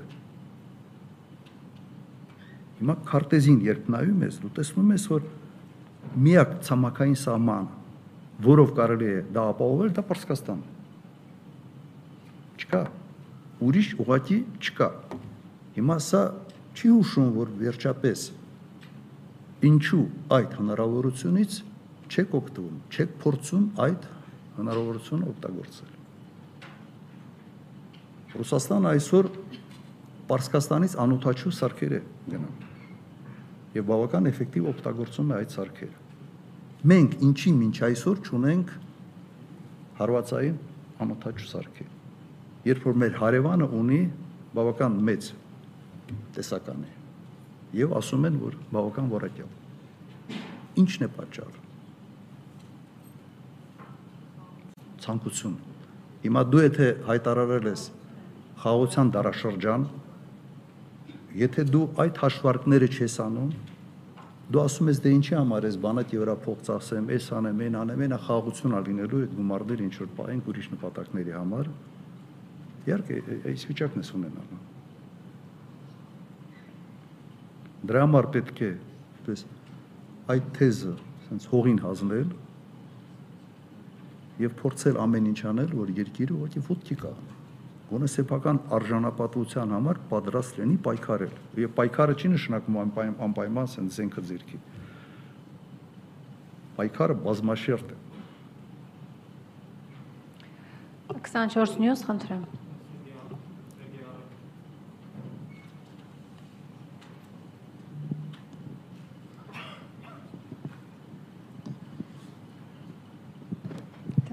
Սերգեյ Առաքելյան 24 News պարոն Քոչյան դուք նշեցիք որ Իրանը ասում է էստի համեցեք նկատի հավանաբար նկատի ունենալով որ իրանցի պաշտոնյաները նշում էին որ չեն հանդուրժի Իրան-Հայաստան սահմանի փոփոխություն հաշվի առնելով Իրանի ազդեցությունը մուսուլմանական աշխարհում Իրանի Իրանը կարող է զսպող դեր լինել ինչ որ չափով Թուրքիայի եւ Ադրբեջանի դեմ եւ նաեւ երեք Հայաստան ժամանեց Հունաստանի արտաքին գործերի նախարար Նիկոս Դենդիասը նախորդ օրը Փաշինյան հանդիպում ունեցավ Մակրոնի հետ եւ հայտնի է որ Հունաստանը Եգիպտոսը եւ Ֆրանսիան դաշինքի մեջ են միջեկրական արևելա միջեկրական խնդրով եւ այսպես ասած ինչ որ չափով հակաթուրքական դաշինք է Եգիպտոսի այդ ներգրավվածությունը ինչ ազդեցություն կարող ունենալ Թուրքիայի զսպելու առումով հաշվառում նրա հեղինակությունը մուսուլմանական աշխարհում այս երկու եւ մասնավորապես նաեւ Փարիզի ազդեցությունը ինչպեսին կարող է լինել Գիտեք, երբ ասում են աշխարհակահականություն, առաջերտին ցած քարտեզին է պետք նայել։ Հիմա Իրանը այո միակ երկիրն է, որը կարող է զսպող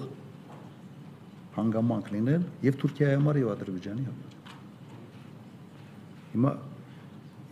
այո մենք ունենք այսօր խնդրեմ եւ Թուրքիայի հետ եւ Ադրբեջանի հետ եւ պետք է շատ ուշադիր նայել թե որ երկրները եւս ունեն այդ խնդիրները եւ համագործակցության կամուրջներ կառուցել այդ երկրների հետ։ Սա, սա է քաղաքականությունը, այս գեոպոլիտիկա կոչեցյալը սա է։ Հետարկություններ կարող ունենալ նաև Չինաստանը։ Հիմա այդ ուղությամբ ես տեսնում եմ որոշակի քայլեր այս վերջին մի քանի օրվա ընթացքում։ Հիմա այդ քայլերը, ասենց ձևական ցուսադրական քայլեր են, թե առարկայական շարունակություն ունենալու, ես չգիտեմ բայց այդ քալերը պետք էր անել անմիջապես պարտությունից հետո անմիջապես իսկ ավելի ճիշտ ընդհանրապես 18 թվականից որտեղ միջև այ միջ այդ մենք Հունաստանի հետ ունեցել ենք բավական լուրջ հարաբերություններ Հունաստանի պաշտպանության նախարարության հետ մեր սպաններից մի մեծ քանակ կրծությունը ստացել են նաև այնտեղ միշտ եղել է այդ հարաբերությունները ուղղակի խնդիրը նա է դու քո նպատակադրությունը այդ ուղությամբ է թե ոչ եթե դու ուրիշ նպատակ ես լրիվ ձևակերպել քո երկրի արչև ուրեմն դու ուղղակի քո համար այդ հարցերը դառնում են երկրորդական եթե դու համարում ես որ Թուրքիայի հետ հավերժ ախբերություն ես ունենալու հենց սահմանը բացվի եւ վտանգներ այլևս չկա դու չես փնտրում այն երկրների հետ հարաբերությունները որոնք խնդիր ունեն Թուրքիայի հետ Սենց աշխարհը, գիտեք, աշխարհը սենց խաղաղ իդիլիայից շատ հեռու է, հակառակը ամեն ինչ գնում է դեպի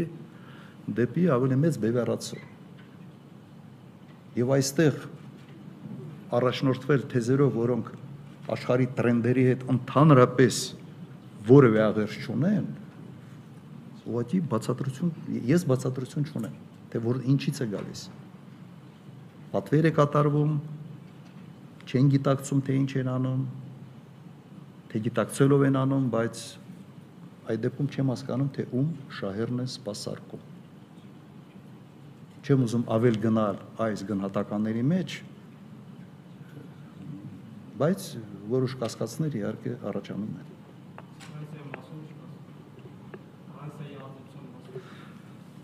Նայեք, Ֆրանսիան միշտ բարեկամ է եղել մեր հետ Ֆրանսիան որոշակի, այո, հարցեր ունեն նաև Թուրքիայի հետ։ Եվ իհարկե պետք է իրենց հետ աշխատել, պետք է աշխատել։ Բայց հույսեր կապել, որ կարող է Ֆրանսիան այստեղ, Ֆրանսիան զոր կուղարկի եւ մտածել, որ կարող է ՆԱՏՕ-ի անդամ երկրի զորքը, օրինակ Սյունիքում տեղաբաշխվեն եւ դու Պարսկաստանի հետ հարցեր չունենաս, դա եւս կլներ կլինի մանկամտություն խնդրեմ կստեղծի այլ այլ տեղ։ Դրա համար պետք է այս բոլոր գործոնները իրար հետ համադրության մեջ ուղղակի դնել եւ փորձել հասկանալ ամենի ճիշտ ուղղությունը որն է։ Եվ սա է իմ ներածական խոսքի երրորդ հատվածը։ Հանրային ռադիո, խնդրեմ։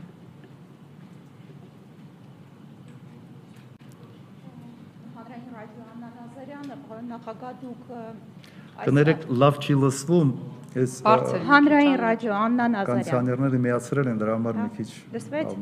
Այո, հիմա լսեց։ Աշխարհակաղակական այս բարդ իրավիճակում շատերը շեշտում են, որ պետք է կոնկրետանալ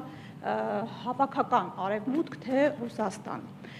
Դուք ինչ դիրքորոշում ունեք այս հարցում, պետք է կոնկրետանալ, թե ամեն դեպքում պետք է տարբեր ուղություններով աշխատել։ Շնորհակալություն։ Կոնկրետանալ բարիտակին չեք հասկանում, խնդրում եմ։ Հա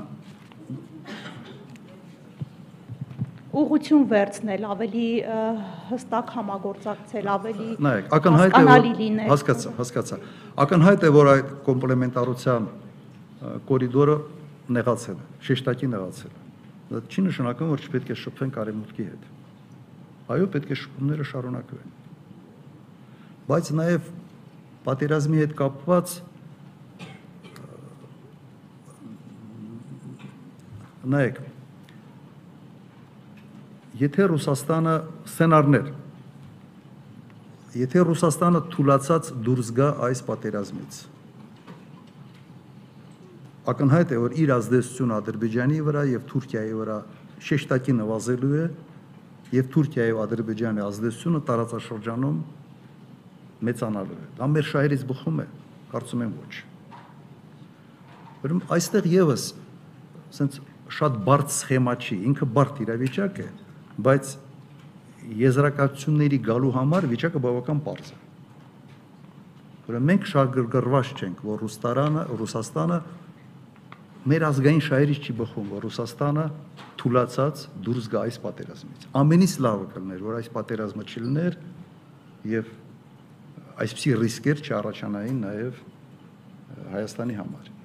Շատ ավելի լավ կլինի, որ հնարավորինս արագ այս պատերազմը կաղնի այնպիսի մի լուծում լիներ, որ որը կընդուներ, ընդունելի կլինի Ռուսաստանի կողմից եւ իհարկե Ուկրաինայի կողմից եւ Արևմուտքի կողմից։ Բայց իրականությունը սա է եւ այդ իրականության մեջ, այսպես ասենք, կողմնորոշվելու համար առանձնապես մեծ ինչ որ բաներ պետք շատ པարս իրավիճակ է։ Ռուսաստանի թուլացումը մեզ համար չափազանց վտանգավոր է, որովհետեւ Ռուսաստանը այս պատերազմից պիտի դուրս գա մեր շահերից է բխում, որ դուրս գա չթուլացած։ Եթե ուժեղացած դուրս գա, ուրեմն Ալիևը չի համարձակվելու ասի, որ ով ուզում է ինձ զանգի։ Հիմա այո ասում է, ասում է նաև այս իրավիճակից ելնելով։ Այդ մոտարապես այսքան։ Հասկանա։ Եվս մեկ հարց Սպուտնիկ Արմենիա եւ ավարտենք հարգելի գործընկերներ, քանի որ Հովանեսը միակն էր, որ պահեց պայմանավորվածություն ընդամենը մեկ հարց տալու, խնդրեմ։ Եվ հարց չունենք, ավարտում ենք, այո։ Այս երկրորդ կրուգով ենք։ Վերջին հարցն է։ Հա, եղավ։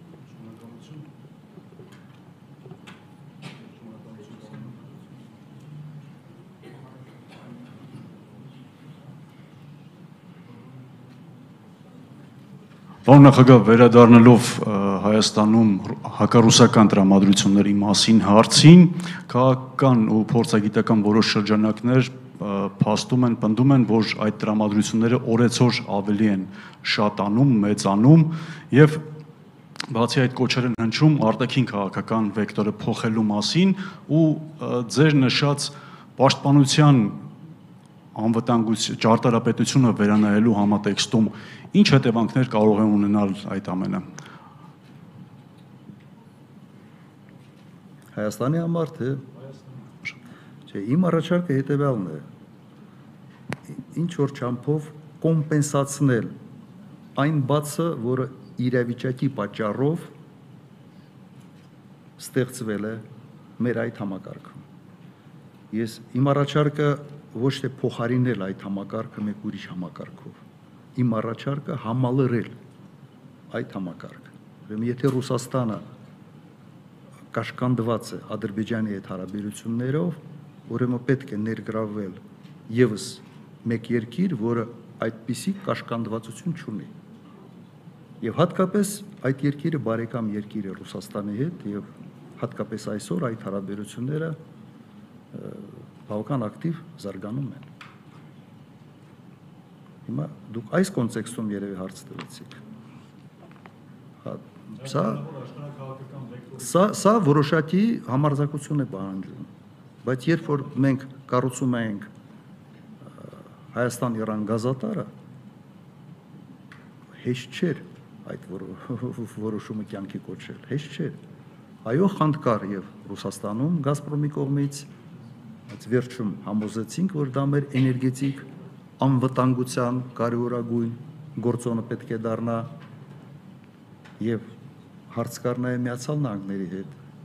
Եվ մենք իրենց նաեւ կարողացանք համոզել, որ չխանգարեն, քանի որ մեր նաեւ էներգետիկ անվտանգության, այսպես որոշակի դիվերսիֆիկացիայի ճանապարհով իրեն շահերին եւս չի ակասում։ Եվ հաջողվեց արեցինք։ Դա դիվանագիտությունը հենց այն արվեստն է, որ դու կարողանաս այնպես ներկայացնել քո քայլը,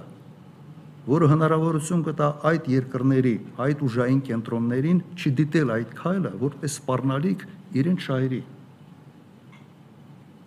Սա է ամբողջ դիվանագիտության, այսպես իմաստը։ Եվ եւս մեկական բարձրացնեմ շատ։ Այդ կորիդոր կոչեցյալ, միջանց կոչեցյալ։ Ում է այդ միջանցքը, ում համար է խնդրեմ ստեղծում։ Այդ մյուս երկրներ ոչ միացյալ նահանգների համար է սա մեծ խնդիր, ոչ Ֆրանսիայի համար, ոչ Եգիպտոսի համար, իդեպ ոչ Ռուսաստանի համար։ Ամենից մեծ խնդիրը դա մեզ համար է եւ եւ Իրանի համար։ Եվ հատկապես եթե մի պետություն համարում է դա իրեն համար մեծ խնդիր, ինքը պատրաստ է շատ ավելի մեծ ջանքեր գործադրել եւ ռեսուրսներ ներդնել այդ խնդրեմը չեզոքացնելու համար։ Ես կարծում շատ པարզ եմ փորձում հիմնավորել եւ դա երբևէ մենք չպետք է հակադրենք Ռուսաստանի շահերին, հակառակը մենք պետք է համալրենք այդ շահերը։ Եթե իրենք պատրաստ են, պետք է իրենց կարող ենք նաև մասնակից դարձնել այս ամենը։ Եթե ֆրանսիացի պատրաստ են դիտորդ ուղարկել այդ սահմանում դիտորդական առաջելություն անելու համար, նորմալ եմ համարում, եթե դա ինչ որ չափով օգնի, բայց ՆԱՏՕ-ի անդամ երկիր երկրի զորքը մտածել թե հնարավոր է բերել ստեղ ռուսական բազա ստեղ ունենալով եւ Իրանի հետ հարաբերություն կառուցել միաժամանակ հողի չի Դա ավելորդ լարվածության աղբյուր է դառնալու։ Դրա համար պետք է այսպես ասենք ոչ թե այս պահից ելնելով ինչ որ քայլեր ձեռնարկենք, մեկ վազենք այս կողմ, մեկ մյուս կողմ, որ պետք է ուղղակի մտածված լուրջ աշխատանք տանենք դիվանագիտական այդ պետությունների հետ։ Միտեղ համոզել համատեղ ջանքեր գործադրել, մյուս տեղում համոզել, ցույց տալ, որ դա իրենց շահերի հակառակ քայլեր չեն,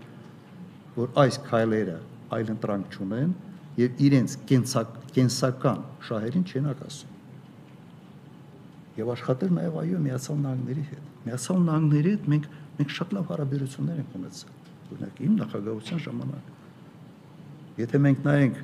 օգնության աստի բանը չափը մեկ շնչի տրվածքով, եւ մենք եւ բավական ակտիվ հարաբերություններ ունեցել ենք Միացյալ Նահանգների հետ։ Բայց կրկնում եմ, գազամփ են կառուցել Իրանի հետ։ Փորձում էին կանխել, համոզել ենք եւ հաջողվել։ Սենց կամ կամ կամ չպետք է լինի։ Կամ կամը լավ բան չի էլի, բայց պետք է շատ ճիշտ ձևով, ճիշտ հաշվարկած քայլելով առաջ։ Շնորհակալ եմ գործընկերներ ջան, ինչ հանդիպում։ Շնորհակալություն ձեզ, շնորհակալություն, շահագրգիռ, այսպես մասամբ քննարկում էր դարավ։ Լավ եք, ստեսում։